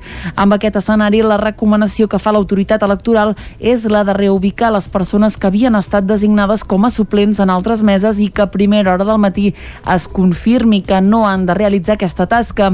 Així doncs, és possible que els suplents no puguin marxar cap al seu domicili com passa habitualment, sinó que se'ls indiqui que s'han de dirigir a un altre punt de votació. La decisió s'han pres davant la llau delegacions que s'han registrat per no haver d'anar a una mesa i en previsió que hi hagi una important bossa de persones que, tot i l'obligació d'anar al punt de votació, no s'hi acabin presentant. Aquest cap de setmana Vic va ser l'epicentre físic de l'acte central de campanya de Junts per Catalunya. Amb el recinte firal del Sucre reconvertit en un plató de televisió, Junts per Catalunya feia aquest diumenge l'acte central de campanya del, del 14F. Un públic reduït d'unes 50 persones rebia la plana major del partit encapçalada per Laura Borràs. Anna R, alcaldessa de Vic i número 8 de Junts per Catalunya a la llista per Barcelona, encetava les intervencions. Ho feia citant Miquel Martí Pol voldria dir una frase de Miquel Martipol que diu si nosaltres callem, qui parlarà? Doncs nosaltres no callarem, nosaltres som els que lluitarem per tots nosaltres, lluitarem perquè cada un de nosaltres puguem aconseguir aquest anel de llibertat i sobretot donar als nostres ciutadans un país millor. Així mateix arrencava un acte que va connectar en directe amb 17 punts del territori català, però també amb Waterloo, on hi ha exiliat Carles Puigdemont, cap de llista de Junts per Catalunya a les eleccions. El candidat socialista pertany a una manera de governar que la coneixem molt bé perquè l'hem patida. Una manera de governar que talla les ales a un país com Catalunya, que justament a Catalunya la gent vol ser escoltada, vol decidir. Laura Borràs va ser qui va recollir el testimoni de l'expresident. Ho va fer demanant el vot útil que permeti un govern transformador. I nosaltres, jo mateixa, us demanem el vot justament per sortir de la crisi, ara, de manera immediata, fent tot allò que cal fer, fent tot allò que ha fet que han fet els països europeus que han ha estat al costat dels ciutadans, ara per no haver de lamentar mals majors després. I el Banc Central Europeu ens posa Espanya a la cua d'aquests països. A l'acte també hi van ser físicament Jordi Sánchez en format telemàtic, Jordi Turull va intervenir des de Terrassa i Jordi Monell des de Ripoll. Junts per Catalunya aposta per ajuts directes als sectors afectats per la Covid-19 i aquest cap de setmana es va reunir amb membres del sector primari i terciari del Ripollès. Isaac Muntades, des de la veu de Sant Joan. Junts per Catalunya ha estat un dels partits polítics que més ha votat pel Ripollès durant aquesta campanya electoral amb un total de tres ocasions. Aquest dissabte, el número 3 de la llista per Girona, Salvador Vergés, Vallès va venir a la comarca acompanyat pel número 7 de la candidatura i alcalde de Ripoll, Jordi Monell, i el coordinador de Junts per Catalunya al Ripollès, Joan Manso. En una parada a Camprodon per visitar diversos establiments i reunir-se amb l'alcalde de Molló i president del Parc de les Capçaleres del Ter i del Freser, Josep Coma, Vergés va recordar que els pobles més petits del Ripollès no tenen un teixit industrial que els sustenti i, per tant, la seva economia es basa en el sector terciari gràcies a l'hostaleria, el turisme i la restauració. El candidat de Junts va dir que calia ajudar-los immediatament per sobreviure la pandèmia. Un primer nivell, que és eh, el nivell doncs, més puntual, més urgent, degut doncs, a la pandèmia i al confinament que ha provocat la Covid i aquests ajuts que els hem de proporcionar han de ser ajuts directes. Eh, no poden ser doncs, crèdits, no poden ser eh, mesures que siguin pa per avui i gana per demà, sinó que eh, aquests eh, negocis, aquestes pimes, aquests autònoms necessiten doncs, que els puguem ajudar això amb ajuts directes.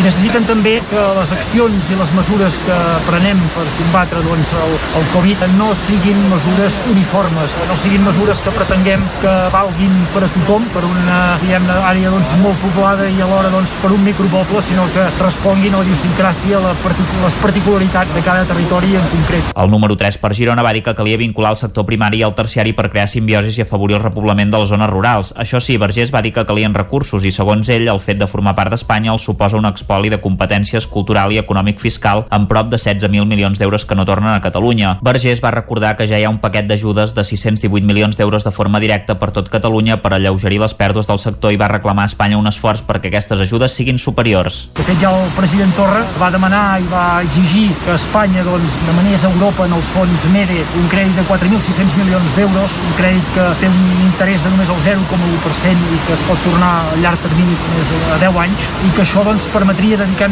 3.000 milions d'aquests 4.600 milions dedicant-los a les empreses doncs, poder-los i compensar el 50% de la facturació que han perdut respecte a l'exercici anterior. Això, òbviament, doncs, no ha estat així.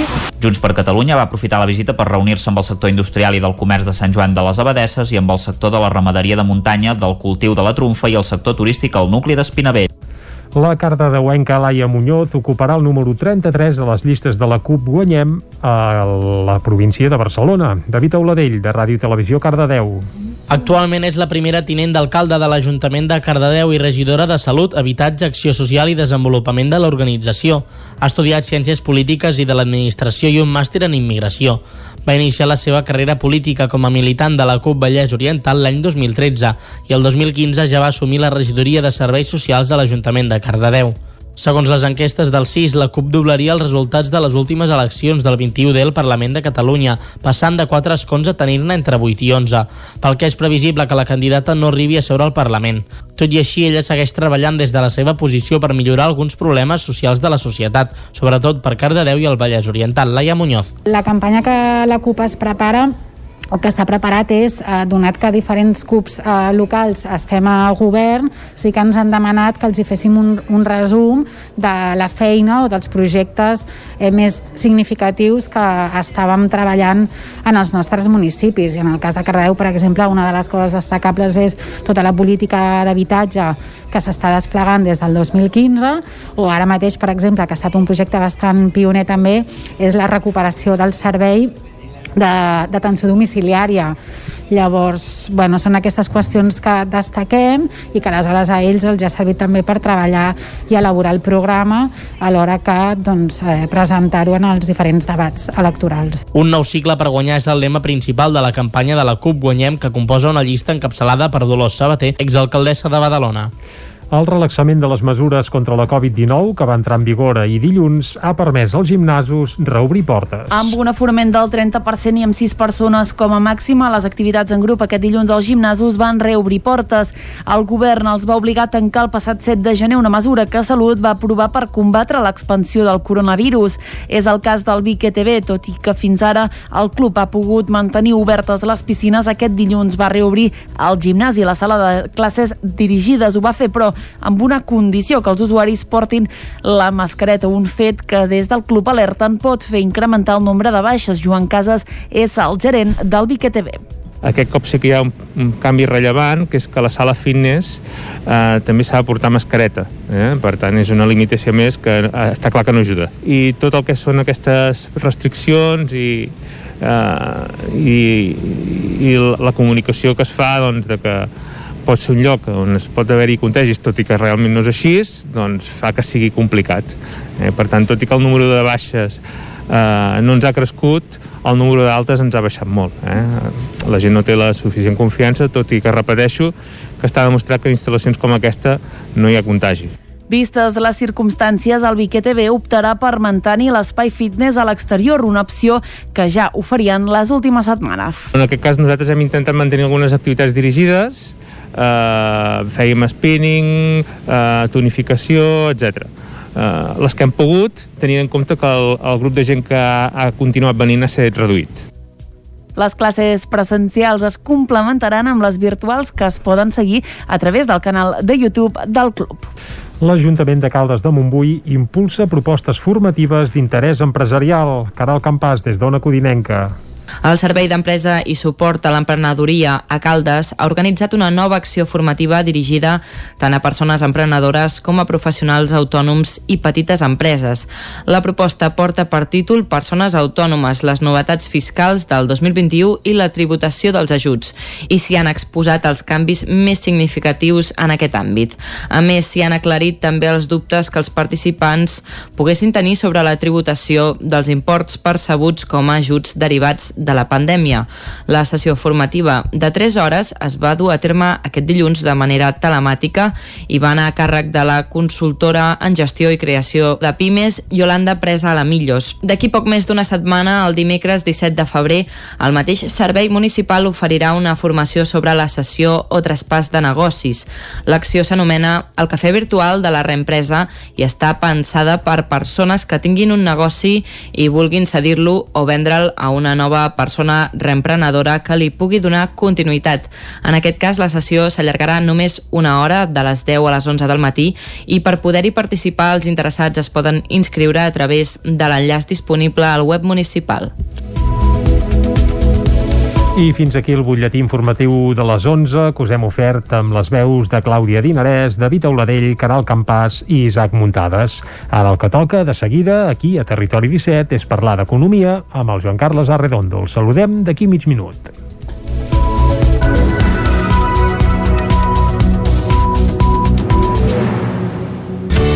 Territori 17 Envia'ns les teves notes de veu per WhatsApp al 646 079 023. 646 079 023. WhatsApp Territori 17.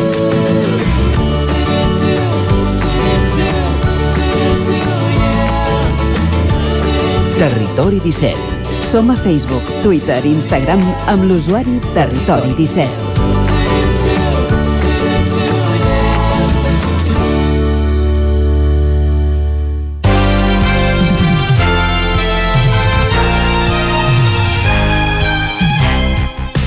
Passen 3 minutets eh, d'un quart de 12, seguim en directe aquí a Territori 17 i ara de seguida saludarem el Joan Carles Arredondo que cada setmana ens acosta algun tema d'actualitat econòmica aquí a Territori 17 i avui ens vol parlar del cas GameStop, aquell, eh, aquell moviment massiu de joves que va posar contra les cordes els grans inversors de Wall Street en una iniciativa, bé, com a mínim sorprenent. Joan Carles, molt bon dia. Bon dia.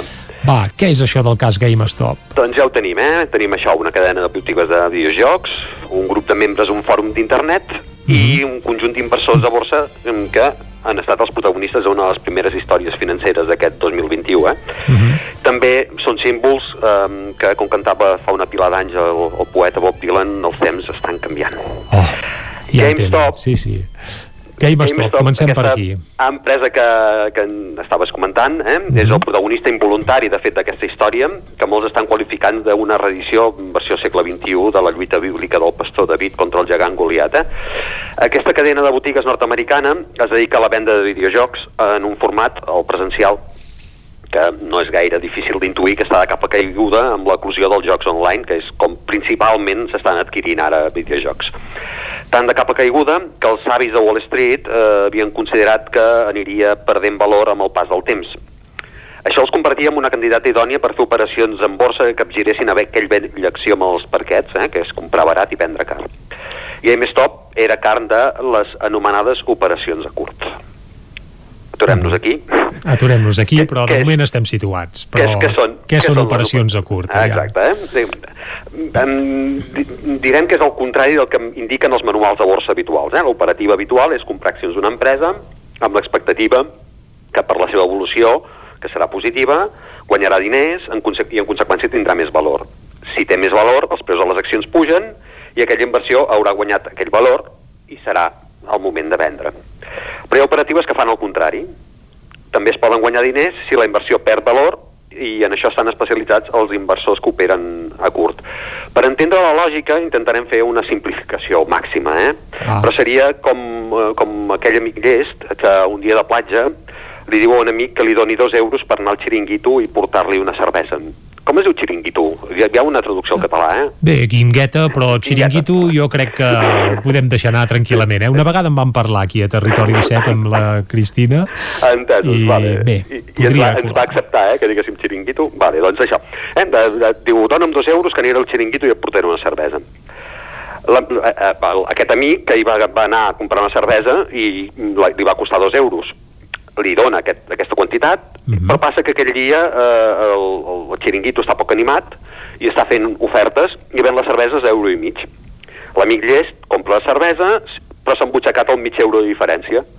Aquest amic ha operat en curt. Eh? Ha demanat prestat uns diners i la inversió que ha fet ha sigut més barata, per tant s'ha pogut quedar la diferència, de manera que mm, i ha- ell hi ha guanyat diners, no? Mm -hmm. Correcte, mig euro, eh? en aquest cas. Sí, simplificant al màxim, eh? Aquí sí, ja, sí. amb, amb, amb, el cas de GameStop no estem parlant de mig euro, estem parlant d'una mica més de quantitats. Aquí hi ha la gràcia, suposo. Sí, sí. És això, eh? La borsa passa una cosa similar, els operadors no tenen les accions a mà, però demanen al seu gestor que els hi cedeixi, se'ls hi cedeixi temporalment uns valors d'una determinada empresa que l'inversor pensa que perdrà perdrà valor. Eh? És una mica, mm, bueno, una mica una aposta, eh? Uh, com, com les que es fan, diguem-ne, amb, amb el futbol, eh? amb el Betfair i aquestes coses. No? Ell les ven immediatament i espera que baixin prou per llavors recuperar-les, tornar-les al primer propietari. El que ha fet ha sigut vendre car i comprar barat. Per tant, tenim la lògica de la borsa capgirada. Vale, de, ens hem aturat amb això. Doncs eh, així era com estaven operant alguns inversors en GameStop, alguns, bastants inversors. Davant l'expectativa que aquesta empresa perdria valor perquè la seva activitat estava quedant obsoleta, alguns inversors van especular amb les accions amb l'expectativa que la reducció de preu els permetria comprar més barat que el preu vigent quan, la, quan les van vendre. Uh -huh. És aquí on apareixen els membres d'una mena de foro cotxes um, il·lustrat, eh, eh, que és el fòrum Wall Street Bets. Els petits inversors que formaven part d'aquest fòrum van coordinar una compra massiva d'accions que es va traduir en un augment de preu. Els inversors a curt van caure en el neguit i van intentar recomprar les accions abans que la ferida es fes més gran, però això només feia que contribuïa a incrementar el valor de l'empresa. Les accions de GameStop, que al principi d'any cotitzaven a 17 dòlars, es van afilar fins a 347 dòlars. Eh? Vull dir que el que es, tingués una expectativa de pèrdua de valor, eh, diguem-ne que eh, es va equivocar bastant, no? Els membres del fòrum eh, que haguessin participat en les primeres fases de l'operació contra els especuladors, que per cert no és nova, això es diu short squeeze, eh? una traducció complicada però voldria dir liquidació del curt o alguna cosa així, no? Doncs eh, dic que, que, els, que els membres que, que del fòrum que haguessin participat en aquestes primeres fases, si van vendre les accions quan pujaven, en van treure bastants diners. Mm -hmm. I com a mínim van posar molt nerviosos alguns fons d'inversió molt importants que van acabar tallant les posicions i perdent-hi bous i esquelles. Uh, la situació va ser tan extrema que fins i tot les autoritats reguladores dels Estats Units han obert investigacions per si es pot atribuir algun fet delictiu, perquè manipular així el preu de les accions diguem-ne que és, és un delicte. Home, en algun país segur que seria delicte. De fet, a l'estat espanyol, la Comissió Nacional del Mercat de Valors, que és l'òrgan regulador d'aquí, ha fet algunes vegades eh, operacions, es va fer amb Abengoa, es va fer amb, amb, amb Tubacex, uh -huh. no tant amb el Banc Popular, però també va passar una cosa similar, eh? vull dir que manipular els preus de les accions, eh, diguem-ne que es considera delictiu i les autoritats intenten tallar-ho. Les accions de GameStop van, van emprendre dies després una baixada, ahir, per exemple, cotitzaven a 60 dòlars, de 347. Cal no oblidar que les accions d'aquesta cadena van pujar amb independència del negoci d'aquesta cadena, no? GameStop tenia uns resultats tan bons o tan dolents, com es vulgui veure, sí, sí, que com, quan valien, com abans de tot plegat. Sí, sí. Quan valien 17 euros, tenia els mateixos resultats que quan en valia 347. Aquesta és a gran tres la història, i com tota història se'n poden treure algunes lliçons, eh? La, la primera és que de vegades l'acció coordinada d'actors considerats febles, en aquest cas els petits inversors, pot arribar a doblegar poderosos institucionalitzats. Eh? Um, i, I aquí la veritat és que um, ha passat bastant. No? Uh -huh. uh, la segona és que prendre accions arriscades pot comportar grans beneficis, però també grans fracassos. Eh, és per això que són arriscades. I el que seria desitjable és que qui estava arriscant no demani canvis en les regles del joc quan la partida no resulta beneficiosa. Eh? Per això també... Acostuma a ser bé. habitual, això, eh? Per això, de, de Quan manera va que... a favor ningú es queixa, quan va en contra... Yeah. Oh. Aquí pot, pot haver passar, no? Les operacions a curt estan tolerades, tot i que algunes eh, autoritats reguladores eh, no, no han posat de, de, el que dèiem, no han dubtat a posar-hi badat quan, quan contribueixen a alterar la normalitat del mercat. La tercera lliçó és que quan aquests febles es veuen forts poden cometre errades portats per l'avarícia de la victòria van intentar fer moviments similars amb empreses com BlackBerry, Nokia, també es va dir que havien intervingut en el mercat de la plata, eh, l'èxit en aquest cas va ser menor. Sigui com sigui, s'ha pogut veure que aquests petits inversors també poden tenir influència en un mercat que fins ara semblava dominat per aquests gegants institucionalitzats. Està per veure si han après la seva part de la lliçó i canvien les dinàmiques inversores eh, per, arran d'aquest succés, això ja es veurà. Més lliçons. La quarta és el poder que estan prenent les xarxes socials, així per causes nobles com la lluita contra el canvi climàtic, com per les detestables, eh? com la presa del Capitoli. Les finances, per tant, no són una excepció a aquest poder. El, en el cas de GameStop, cada curs és lliure de determinar si la causa és noble o detestable. Això ho deixem eh, al gust del consumidor. Una cinquena i de moment última lliçó, eh? eh I aquesta està prou recollida al refrenyer. Eh, uh -huh. Tot el que puja, baixa i de vegades una retirada a temps també és una victòria. Ho saben prou alguns dels inversors d'aquesta operació que en podríem dir d'agi pop del, de, de 2021, eh? si van retirar els diners abans de la davallada, alguns hauran fet algun calaró eh, si no hauran tingut una bona trompada, perquè a vegades trolejar té, riscos, té tants riscos com invertir a curt. I una sisena i última lliçó, aquesta personal, és Ràpida. que eh, eh, sí, m'estic fent gran com per entendre determinades dinàmiques, però això ja, això, això ja diguem-ne que ho resoldrem mi mateix. Joan Carles, moltes gràcies per acostar-nos i fer-nos entendre sobretot el cas aquest GameStop eh, i t'esperem dimarts que ve aquí a Territori 17. Moltes gràcies, bon dia. I nosaltres el que farem ara mateix és una breu pausa, tornem a dos quarts en punt, redescobrim algun racó de Catalunya. Fins ara mateix. El nou FM, la ràdio de casa, al 92.8. A Vic, T52, un taller d'emocions. una celebració, un reconeixement, un record, la victòria, el premi. Tenim una solució personalitzada per a cada ocasió. Ens trobaràs al centre, al carrer 941 i també a l'Horta Vermella, al carrer Menéndez Pelayo 31. Més informació a t52.cat. Són temps de reptes. A la Fogonera n'hem aconseguit tres. Servir arrossos d'estrella, per emportar i a un preu de justícia. Aquest hivern tenim l'arròs de calçots en tempura. La Fogonera, la rosseria de paelles per emportar a GURB i que també et portem a casa. Telèfon 93 851 55 75 i a lafogonera.cat. I quan cau la nit, Pupurri Culinari, solucions per sopar les nits de divendres i dissabte. Entra a pupurriculinari.cat i tria. Cobertes serveis funeraris. Els nostres tanatoris estan ubicats en els nuclis urbans més poblats de la comarca d'Osona per oferir un millor servei. Tanatori de Vic, Tanatori de Manlleu, Tanatori de Centelles i Tanatori de Roda de Ter. Sabem que són moments difícils i per això el nostre compromís és atendre-us en tot moment amb un tracte humà, sensible i respectuós. Cobertes serveis funeraris. Telèfon 24 hores 93 883 23 46.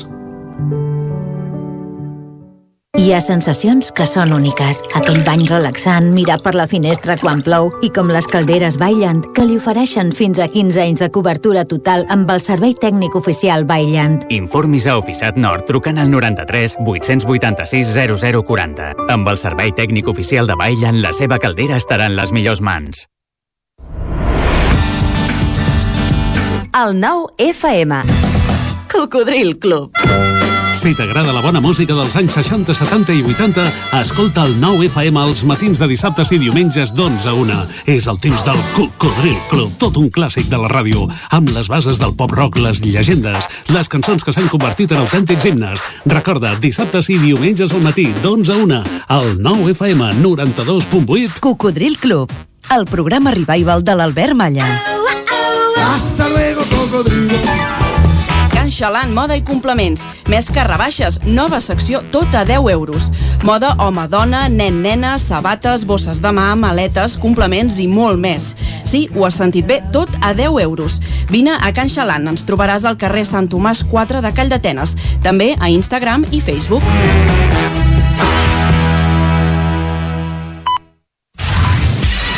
Nou FM, el nou FM, el nou FM, el nou FM.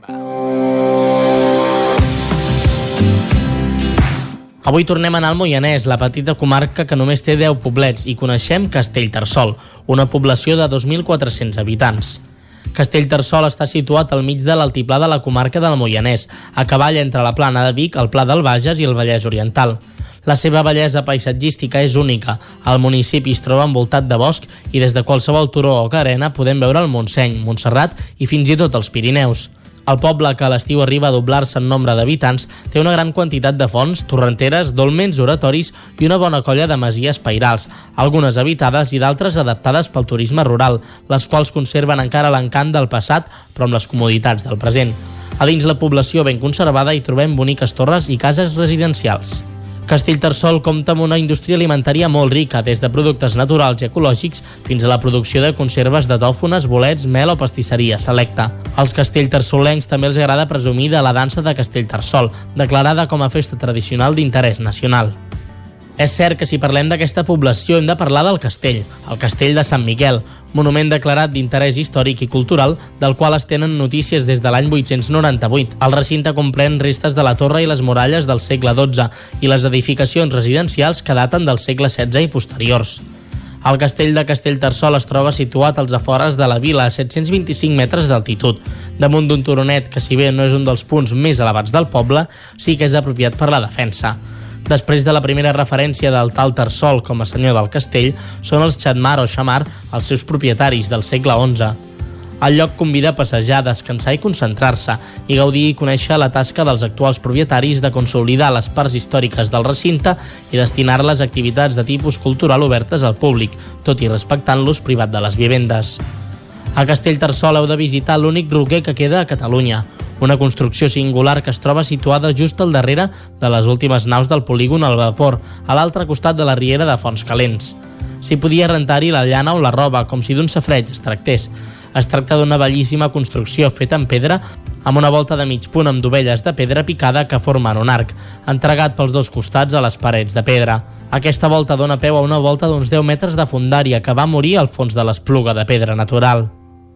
Encara hi ha, però, dues visites per poder fer. D'una banda, i també històrica, és les restes del poblat ibèric sobre la masia del Puig Castellà. I, finalment, la Casa Museu Enric Prat de la Riba, casa pairal on va néixer i morir el president de la Diputació de Barcelona i creador de la Mancomunitat Catalana. Ara és una casa reconvertida en museu on es poden veure espais fidelment conservats i d'altres de nova ambientació. Es penetra en la biografia personal i política d'aquest gran patrici català, el que Eugeni d'Ors anomenava el seny ordenador de Catalunya i es mostra també l'abast i previvència de la seva tasca. A més, la visita ens permet observar com era una casa rural benestant d'inicis del segle XX. Té un pati interior obert on es fan actes tot l'any.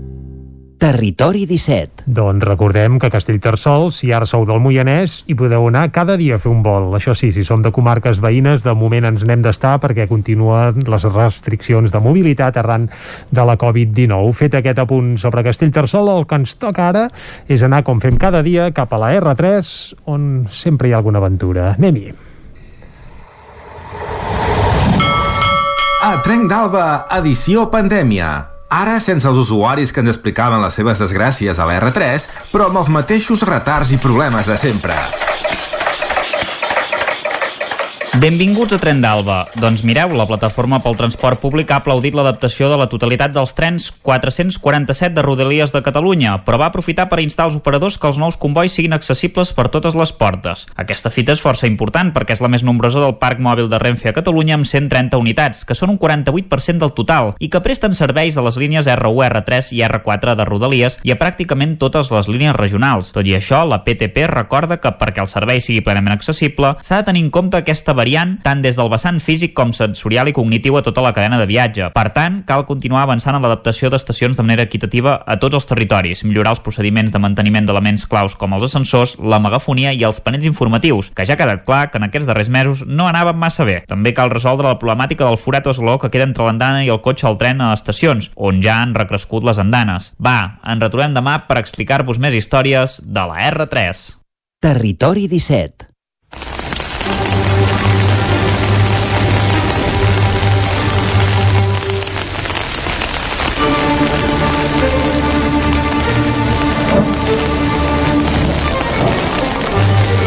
Passen, passen 5 minuts de dos quarts de 12 del migdia, aquí a Territori 17, seguim en directe i comença a ploure a bots i a barrals, però no ho fa físicament a fora, això ja ens ha dit el Pep Acosta que vindria a partir del migdia o la tarda, les pluges, sinó que això vol dir que ens endinsem de ple a la secció de Meteorologia i Medi Ambient i avui, com sempre fem un cop al mes, qui ens acompanya és el Gil Salvans de l'Agència de l'Energia d'Osona. Gil, molt bon dia. Molt bon dia, Jordi. No has pas dut paraigües, eh? No, no, avui no. Avui no. Sé que a la tarda perilla, però he vingut sense. Vingut. Va, no parlarem de pluges, sinó que avui volem parlar de comunitats energètiques.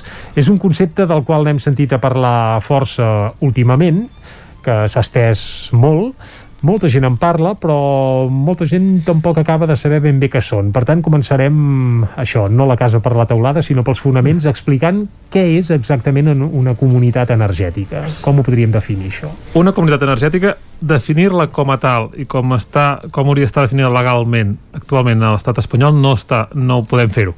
És a dir, et contesto amb un no puc fer-ho. Jordi, el tema de definir exactament què és una comunitat energètica. Um, bàsicament perquè dic això, eh? bàsicament hi ha dues directives europees que, uh -huh. que parlen de les comunitats i que parlen de la transició i el nou paquet europeu per la transició energètica i com, com hem de traslladar i dona un gran paper o un gran pes a les comunitats energètiques però la llei o la regulació estatal eh, de comunitat energètica encara no està publicada Uh -huh. eh, està a punt a punt de ser publicada de fet eh, fa uns mesos van demanar ja eh, el, el Ministeri el Ministeri d'Indústria i Energia va, va demanar a, a tota la societat, empreses del sector, administracions, etc que fessin que podien fer consultes i fer-hi aportacions a un esborrany de, de llei de comunitats energètiques, per tant ja hi havia un borrador eh, eh, i ara es van recopilar aquestes, aquestes aportacions i està pendent, no se sap exactament la data però en les pròximes setmanes o mesos tindrem una llei de comunitats energètiques El que sí que està clar és que ha de ser una eina, en teoria, eh, molt vàlida per, bé, per accelerar la transició energètica i reduir emissions d'efecte hivernacle a l'atmosfera, no? És... Està clar que, que, serà una peça clau, eh? I, uh -huh. I sí que podem dir que ara mateix, sobre la taula, um, quan parlem de comunitat energètica, que comença a haver-hi algunes al territori, que comencen a haver-hi algunes que estan creant, és un concepte una mica uh, divers, no és, no és una cosa molt precisa, és a dir, una agrupació de, de persones, una agrupació mm -hmm. d'empreses, una agrupació de ciutadans, uh, etc que s'associen, que fan una comunitat per algun tema relacionat amb l'energia. Això ja hi ha alguns exemples i alguns casos, per exemple, un grup de particulars que s'uneixen per, no sé, instal·lar un molí de vent i consumir aquesta energia aquesta eòlica. Energia. Crec que això la noia ha passat a sí, Pujalt, a Pujalt. un poble petitó i s'han aplegat això, un grup de particulars, oi? Així és, per exemple, Pujal eh, eh, el, el projecte eh, d'aquest molí, de Pujal que està participat per, per molts ciutadans, ja no només del municipi, que van ser els primers, però també de tot el país, de fet jo mateix hi vaig fer una petita aportació i per tant molta gent dels sectors mm -hmm. és una un tipus de comunitat energètica, és a dir, agrupar-te per posar inversió en un lloc i crear energies renovables. Sí que és veritat que, per exemple, el que ara mateix ens permet la, la llei actual d'autoconsum fotovoltaic o d'energies renovables és compartir energia en un radi de 500 metres. Mm. Uh, per tant, aquí sí que ja poden aparèixer i, estan, i tenim projectes sobre la taula de comunitats energètiques que a alguns eh, els agrada més dir de compartir energia no és una comunitat sinó és que comparteixes l'energia però bueno, al final si un grup de gent comparteix mm. energia jo també interpreto com una comunitat energètica posem poc cas, eh? és a dir un ajuntament que té una taulada d'un pavelló per exemple? De 1.200 metres quadrats de taulada, ens hi cap un projecte sobre la taulada de 100 quilowatts, uh -huh. eh, 100 quilowatts de plaques, per i el pavelló necessita 10 quilowatts. Pues els altres 90 quilowatts podries, l'Ajuntament els podria autoconsumir i compartir amb edificis que tingués a les proximitats, a un rai de 500 metres. Més enllà de 500 metres, ara mateix no, no es pot compartir. No es pot compartir. Uh -huh. um, però dins d'aquests 500 metres podria, si per exemple hi hagués una agrupació, fem un número rodons allà hi haguessin 90 vivendes, per, per fer-ho fàcil uh -huh. uh, podríem posar que cada, cada una d'aquestes vivendes uh, adquireix un quilowatt d'aquesta instal·lació um, posa els números s'hauria de fer, de fer cas per cas, etc. però poser, per exemple, posar 1.000 euros uh -huh. un veí podria posar 1.000 euros en aquella instal·lació i saber que un quilowatt d'allà seria seu uh -huh. no? en lloc de tenir tres plaques a casa les tindria en el pavelló que potser eh, seria molt més eh, bé profitós i se'n trauria més rèdit econòmicament, segurament. econòmicament aquests projectes així més grans eh, normalment te'n vas a un preu no la meitat però quasi quasi també és veritat que es poden compaginar les dues coses jo puc tenir una instal·lació mm. domèstica a casa i pel que sigui mm, no, no tinc prou capacitat a la taulada no la tinc ben orientada, etc i puc sumar les dues coses i puc tenir 3 quilowatts a casa i el quilowatt que em fa falta, els dos que em fan falta els adquireixo una, a la comunitat energètica de, de, de, del mm. municipi. Uh, Plantejant-nos aquest exemple ja entenem que aquestes comunitats energètiques poden ser uh, casaments entre administració local i particulars, és a dir, això també s'hi val, eh?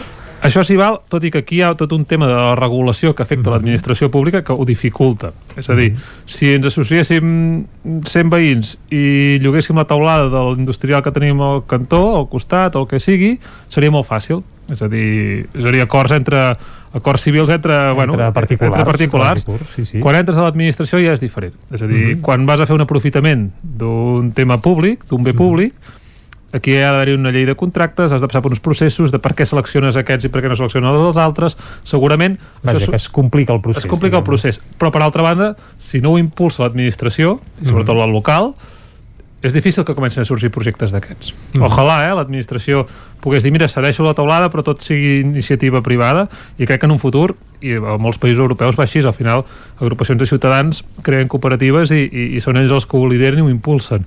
És a dir, es podria fer, per exemple, posem un cas, eh, uh, 100 veïns d'un poble concret del territori 17 se'n van a l'Ajuntament, tenim un pavelló fantàstic, volem posar al cim d'aquesta teulada del pavelló, doncs això, un parc de fotovoltaic. Ens el cediu, això s'hi valdria i la iniciativa fos només del grup de veïns o no? Això, això s'hi valdria. Aquí faltaria veure legalment com es fa la sessió d'aquesta taulada. Clar. Perquè si tu fas una sessió en aquesta taulada, per què en aquests veïns i no en una indústria, per què aquí i per què en ells i no els altres? L'administració ha de fer-ho obert i tothom ha de poder-hi optar.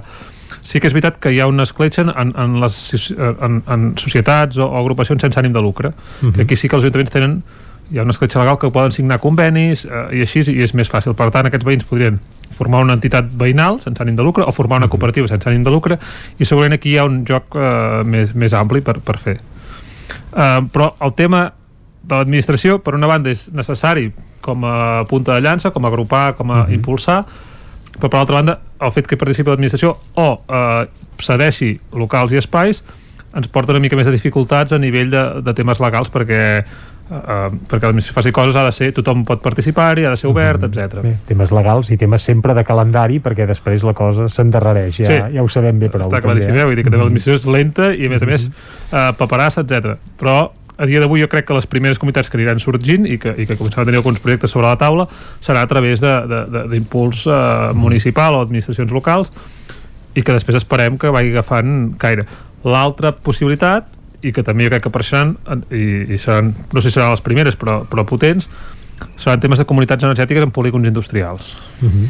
aquí sí que l'administració segurament el que pot fer és com de paraigües, com de sentar en una taula tots els agents del sector a eh, explicar o fomentar, explicar què és una comunitat i fomentar-ho, uh -huh. però aquí sí que llavors hi hauria una entesa més ja de la part de l'àmbit privat, de dir, mira um, quantes, qui vol participar en una comunitat energètica? Doncs els, no sé, municipi que hi hagi 10 10 industrials amb un polígon 10 doncs n'hi ha 8 que volen participar, dos que ja diuen que no i no d'això, cap problema. Metres quadrats de, de taulada, de taulada polígons n'hi ha i molts, per tant seria un molt sí. bon lloc per impulsar un... iniciatives d'aquestes. I hi ha molt consum, vull dir que és el lloc on també aquí hi ha un paper que ens juga en contra que és el tema del fibrociment, eh? ja vam parlar un dia però tenim molts metres quadrats de fibrociment malauradament a la, a la indústria del país no pots remenar el fibrociment, per tant no pots foradar ni instal·lar sí, amb, plaques amb en teulades de fibrociment, altrament dit uralita, de, perquè ens entenguem, sí. uh, no s'hi val a posar-hi plaques solars. I, primer has de fer un canvi de l'uralita, mm -hmm. i llavors aquí els costos i tot se'ns dispara molt, eh? És a dir, um, sí que és veritat que, que bueno, tot i això, tenim molta, molta taulada que no té, fibro, no té uralita o fibrociment, i per tant, una de les possibilitats és jugar amb aquestes taulades, és a dir, quants metres quadrats tinc jo, quants en tens tu, quin consum tinc jo, quin consum... Mm. potser un pot dir, mira, jo per la meva taulada ja em va perfecte pel meu autoconsum, t'espaviles o ho fas tot directament, però potser un altre un va sobrat de taulada i l'altre va faltat i poden compartir projecte, poden -hmm. cedir-se l'espai, això al final és és un joc d'arribar a acords eh? I, i no és molt complicat la fotovoltaica. Al final, tants metres quadrats de taulada ben orientada, són tants quilowatts tants quilowatts al, al cap de l'any es multiplica per 1.400 hores de radiació solar aproximadament i tens quan et produirà allò i per tant fàcilment tens uns números per començar a jugar després mm. falta aquí arribar a acords i això però sí que en, l'àmbit industrial que jo crec que tindrà molt sentit perquè hi ha molt mm. consum, molt d'espai molts metres quadrats l'administració pot ser el qui obre el paraigües, qui posa la taula i posa els coberts, diguéssim, però qui ha de qui haurà d'acabar-ho pactant i fent seran, jo crec que més aviat els industrials també per saltar-nos allò que dèiem, eh, la lentitud de l'administració, mm -hmm. lleis de contractes etc etc.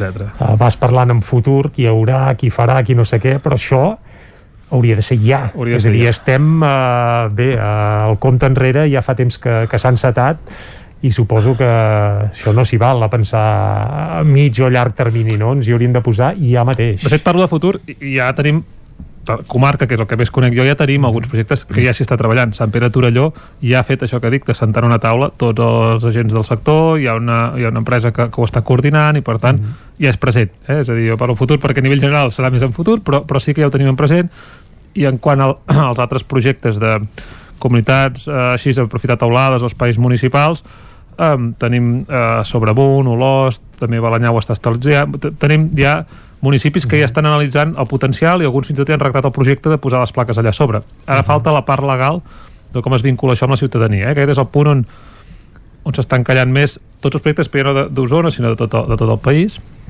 Però a nivell de, de país hi ha exemples, eh? és a dir, la Diputació de Girona està treballant amb un projecte Rupià per la taulada uh -huh. i allà faran concessions, en principi, concessions eh, de 4 anys. Els ciutadans podran adquirir la part proporcional de les plaques durant 4 anys de, de la instal·lació que tindrà l'Ajuntament sobre la taulada de, de, de la pista, em sembla que és pista poliesportiva a Saldes tenen un projecte molt xulo El Berguedà. El Berguedà té un projecte molt xulo d'una cooperativa a Saldes, de tot el municipi. Han creat una cooperativa que es diu Cooperativa Pedraforca Mhm. i tenen uns terrenys eh, explotats, em sembla, per, per mineria, que ja no s'utilitzen, municipals, i aquests terrenys s'hi posaran plaques i aquestes plaques serà per, per la cooperativa que estarà formada per tots els veïns de Saldes. Vull dir que ja hi ha present, eh? Ja hi ha present, però com dius, anem tard. És a dir, quan parlàvem dels parcs és això, eh, aquests macroparcs no, però malauradament hem de posar aquesta, aquesta potència al territori, d'alguna Mhm. manera. I, per tant, um, perquè ens fem una idea, es, o sigui, es necessiten 600, 600 megawatts de, mm, de potència instal·lada anualment per arribar als objectius del 2030. I al pas que anem no hi arribem, eh? No, o sigui, 600 megawatts a tot Catalunya. Mhm. Osona en té 10 d'instal·lats actualment. 10? Osona, Res però, curt. però vull dir, si multipliquéssim, Osona ser una comarca potencialment Mhm. potent en això, eh? Vull dir que si Osona en porta 10, si totes les comarques en porten 10, o en tenen 10 fins ara, és a dir, acumulat des dels últims 5 anys, O no, aniríem perfecte, perquè si totes en portessin 10 a 40 comarques ja estaríem a 400 sí, gairebé. però seria l'acumulat de 4 anys. eh? Això, els 600, Clar. els 600 són els que han d'instal·lar cada any. Cada any, val. Per tant, l'any que ve necessitem tenir eh, 600 més sobre el territori. Eh? Vull dir que... Per tant, els números no surten no, pas. surten, no surten. Vull dir que és un tema, i, i, i com vam veure, ha pujat exponencialment eh, l'autoconsum. Mhm. No és allò que estem parats, no estem pujant exponencialment, però no és suficient. És a dir, la transició energètica és molt gran, és molt gran. Fins al punt que comença a haver algun article d'algun economista que diu, mira, posem els monegros, renunciem a, a ser autosuficients. Jo crec que és un jo crec que és un pas en fals, és a dir, no pots renunciar a l'autosuficiència i menys abans de començar. Si el 2040 arribem a un punt que dius no podem ser-ho, vale, però ara posem-hi tota la carn a, a, la graella i intentem-ho. Això que- havíem parlat precisament el mes passat, no? que és molt millor optar per petits projectes que no pas per grans per infraestructures gegantines, com comentaves, els Monegros, per després, evidentment, donar servei a molta gent, però clar, un macroparc eh, a part que a Catalunya els Monegros tampoc els tenim. No els tenim, Això sí, seria sí. una altra, una altra història, eh? perquè geogràficament el país dona pel que dona, també. Però sí que és veritat que la, la figura de les comunitats energètiques, tornant a, a, al tema, els petits parcs donen joc per això. És a dir, hem parlat de petites instal·lacions de 100 kW sobre un pavelló perquè ens permet compartir energia.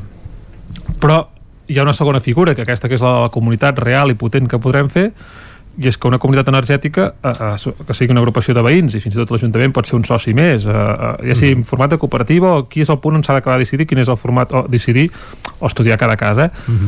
um, pugui muntar un parc de 2 megas que són 4 hectàrees i dir, mira, mm, jo tinc 3-4 mil euros aquest veí, l'altre hi té l'industrial hi vol posar, i invertir-hi tant. Doncs fer una suma de- d'esforços de, i que aquells 4-5 hectàrees de conreu agrícola que potser haurem d'afectar Bé, però No. que siguin tant per tant de conreu d'aquest que no dona gaire que sigui, rendiment, perquè que sigui el menys, també en tenim d'aquests. sigui el sí, sí. interès Mhm. però que, però que a més a més sigui participat de la gent de, del territori perquè si, si, si té grans parcs a part de menjar de tot tipus de conreu eh, aquests grans parcs estan pensats per especular i en mans de pocs vale? i per tant la comunitat energètica el que ha de fer és Um, quan es parla de transició energètica a Catalunya, Espanya jo crec que té una visió una mica diferent, però a Catalunya es parla de fer-la, fer la transició energètica cap a fonts renovables i democratitzar l'energia, que vol dir que tothom pugui participar.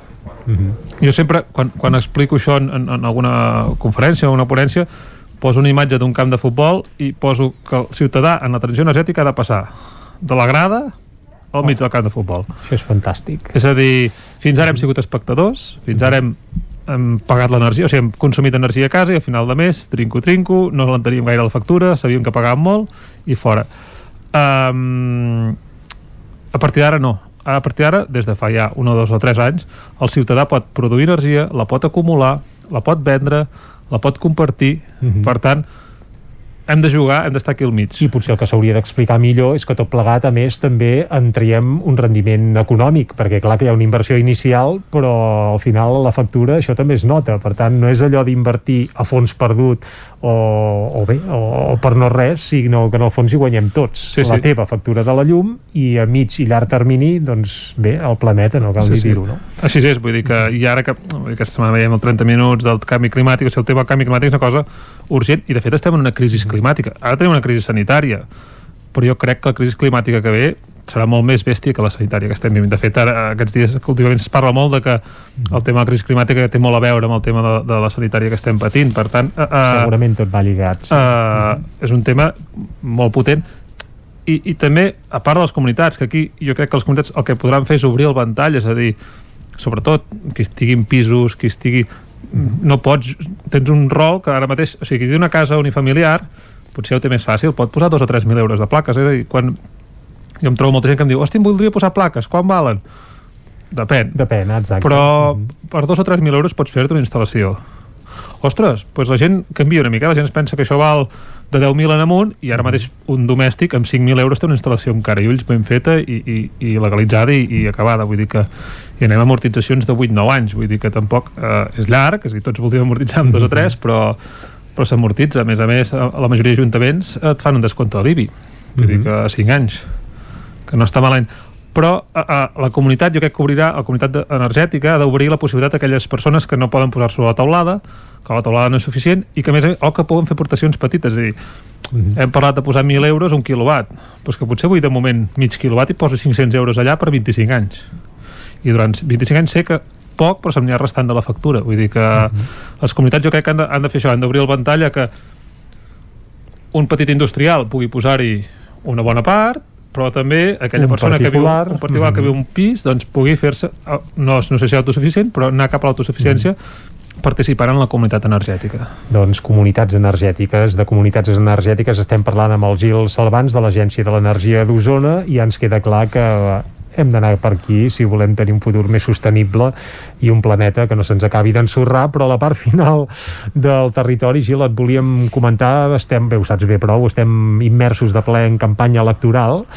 i bé, pocs eh, polítics hem sentit parlar precisament de projectes com aquest, de comunitats energètiques, de sostenibilitat, de coses concretes per garantir que, bé, que en un futur doncs, puguem continuar gaudint com a mínim del territori tal i com el tenim ara mateix i no se'ns malmeti encara més.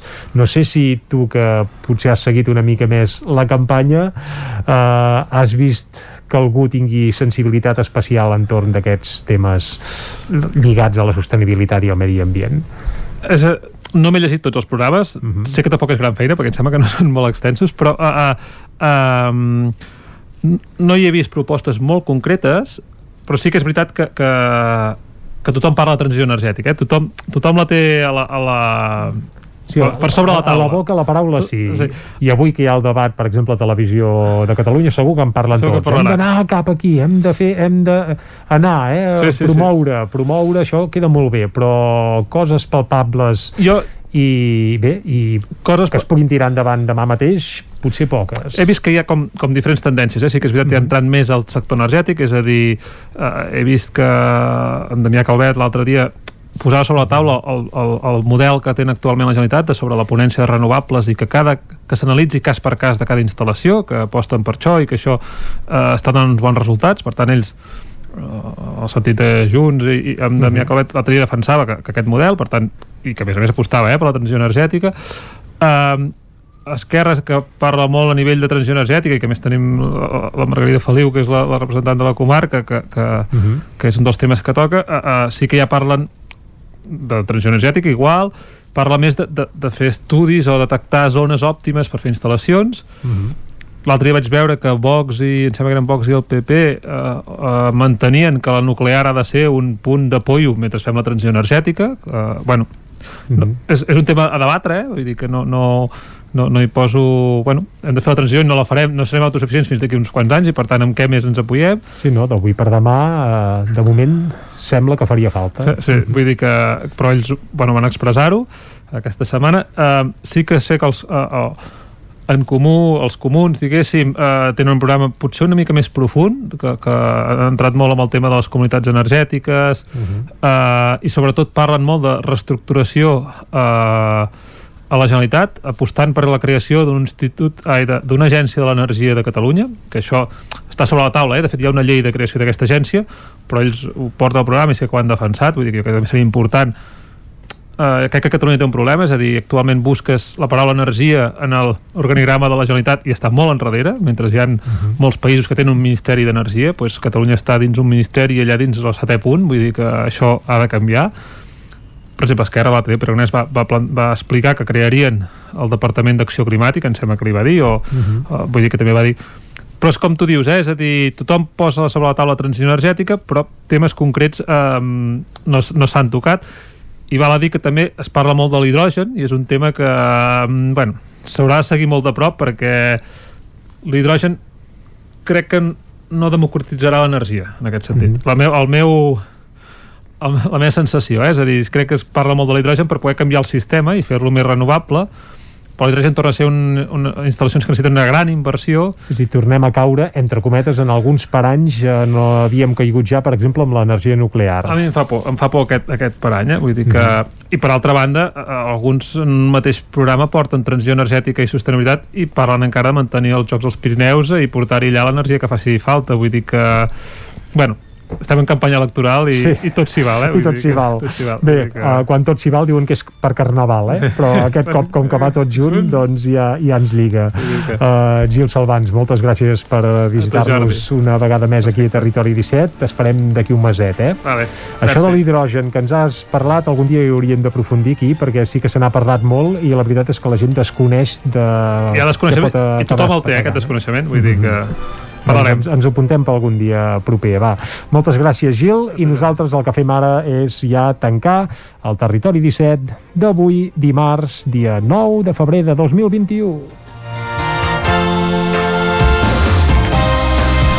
Un territori 17 que hem fet amb Vicenç Vigues, Clàudia Dinarès, David Auladell, Caral Campàs, Isaac Muntades, Arnau Jaumira, Òscar Muñoz, Txela Falgueres, Joan Carles Arredondo i avui també amb la companyia del Gil Salvans. Nosaltres tornarem demà, com sempre, fent-vos companyia des de les 9 del matí i fins a les 12 del migdia. Fins llavors, salut i que vagi molt bé. Adeu!